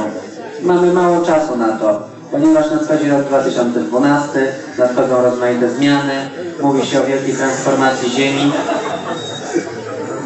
Naturalnie wydaje się to śmieszne. Tak samo jak w roku 1939 śmieszną wydawała się perspektywa wojny, aż spadły bomby. Może się wszystko zmienić w ciągu jednej chwili. Dlatego proszę Was tylko o jedno, o otwartość, o umysły analityczne, ale również i o wyobraźnię. O to, żebyście poszukiwali, kwestionowali, zadawali pytania, nie ufali, wszystko sprawdzali. Być może zorganizujemy tutaj kolejne debaty, może na temat śmierci klinicznej, może na temat e, wyjść poza ciało. Tam też są dowody na spotkania istot niematerialnych, niefizycznych. Te relacje są dostępne. Świadkowie istnieją, znamy ich osobiście. Wierzcie mi Państwo, że nie da się tego zlekceważyć. To jest dowód niepodważalny, własne doświadczenie. Możemy przedstawiać zdjęcia, fotografie, modele, istoty, wszystko można zakwestionować. Natomiast nie można zakwestionować doświadczenia, takiego jakim jest śmierć kliniczna, wyjście z ciała, czy kontakt z inną cywilizacją, obojętnie na jakim poziomie. Życzę Państwu takich doświadczeń i dziękuję za to spotkanie.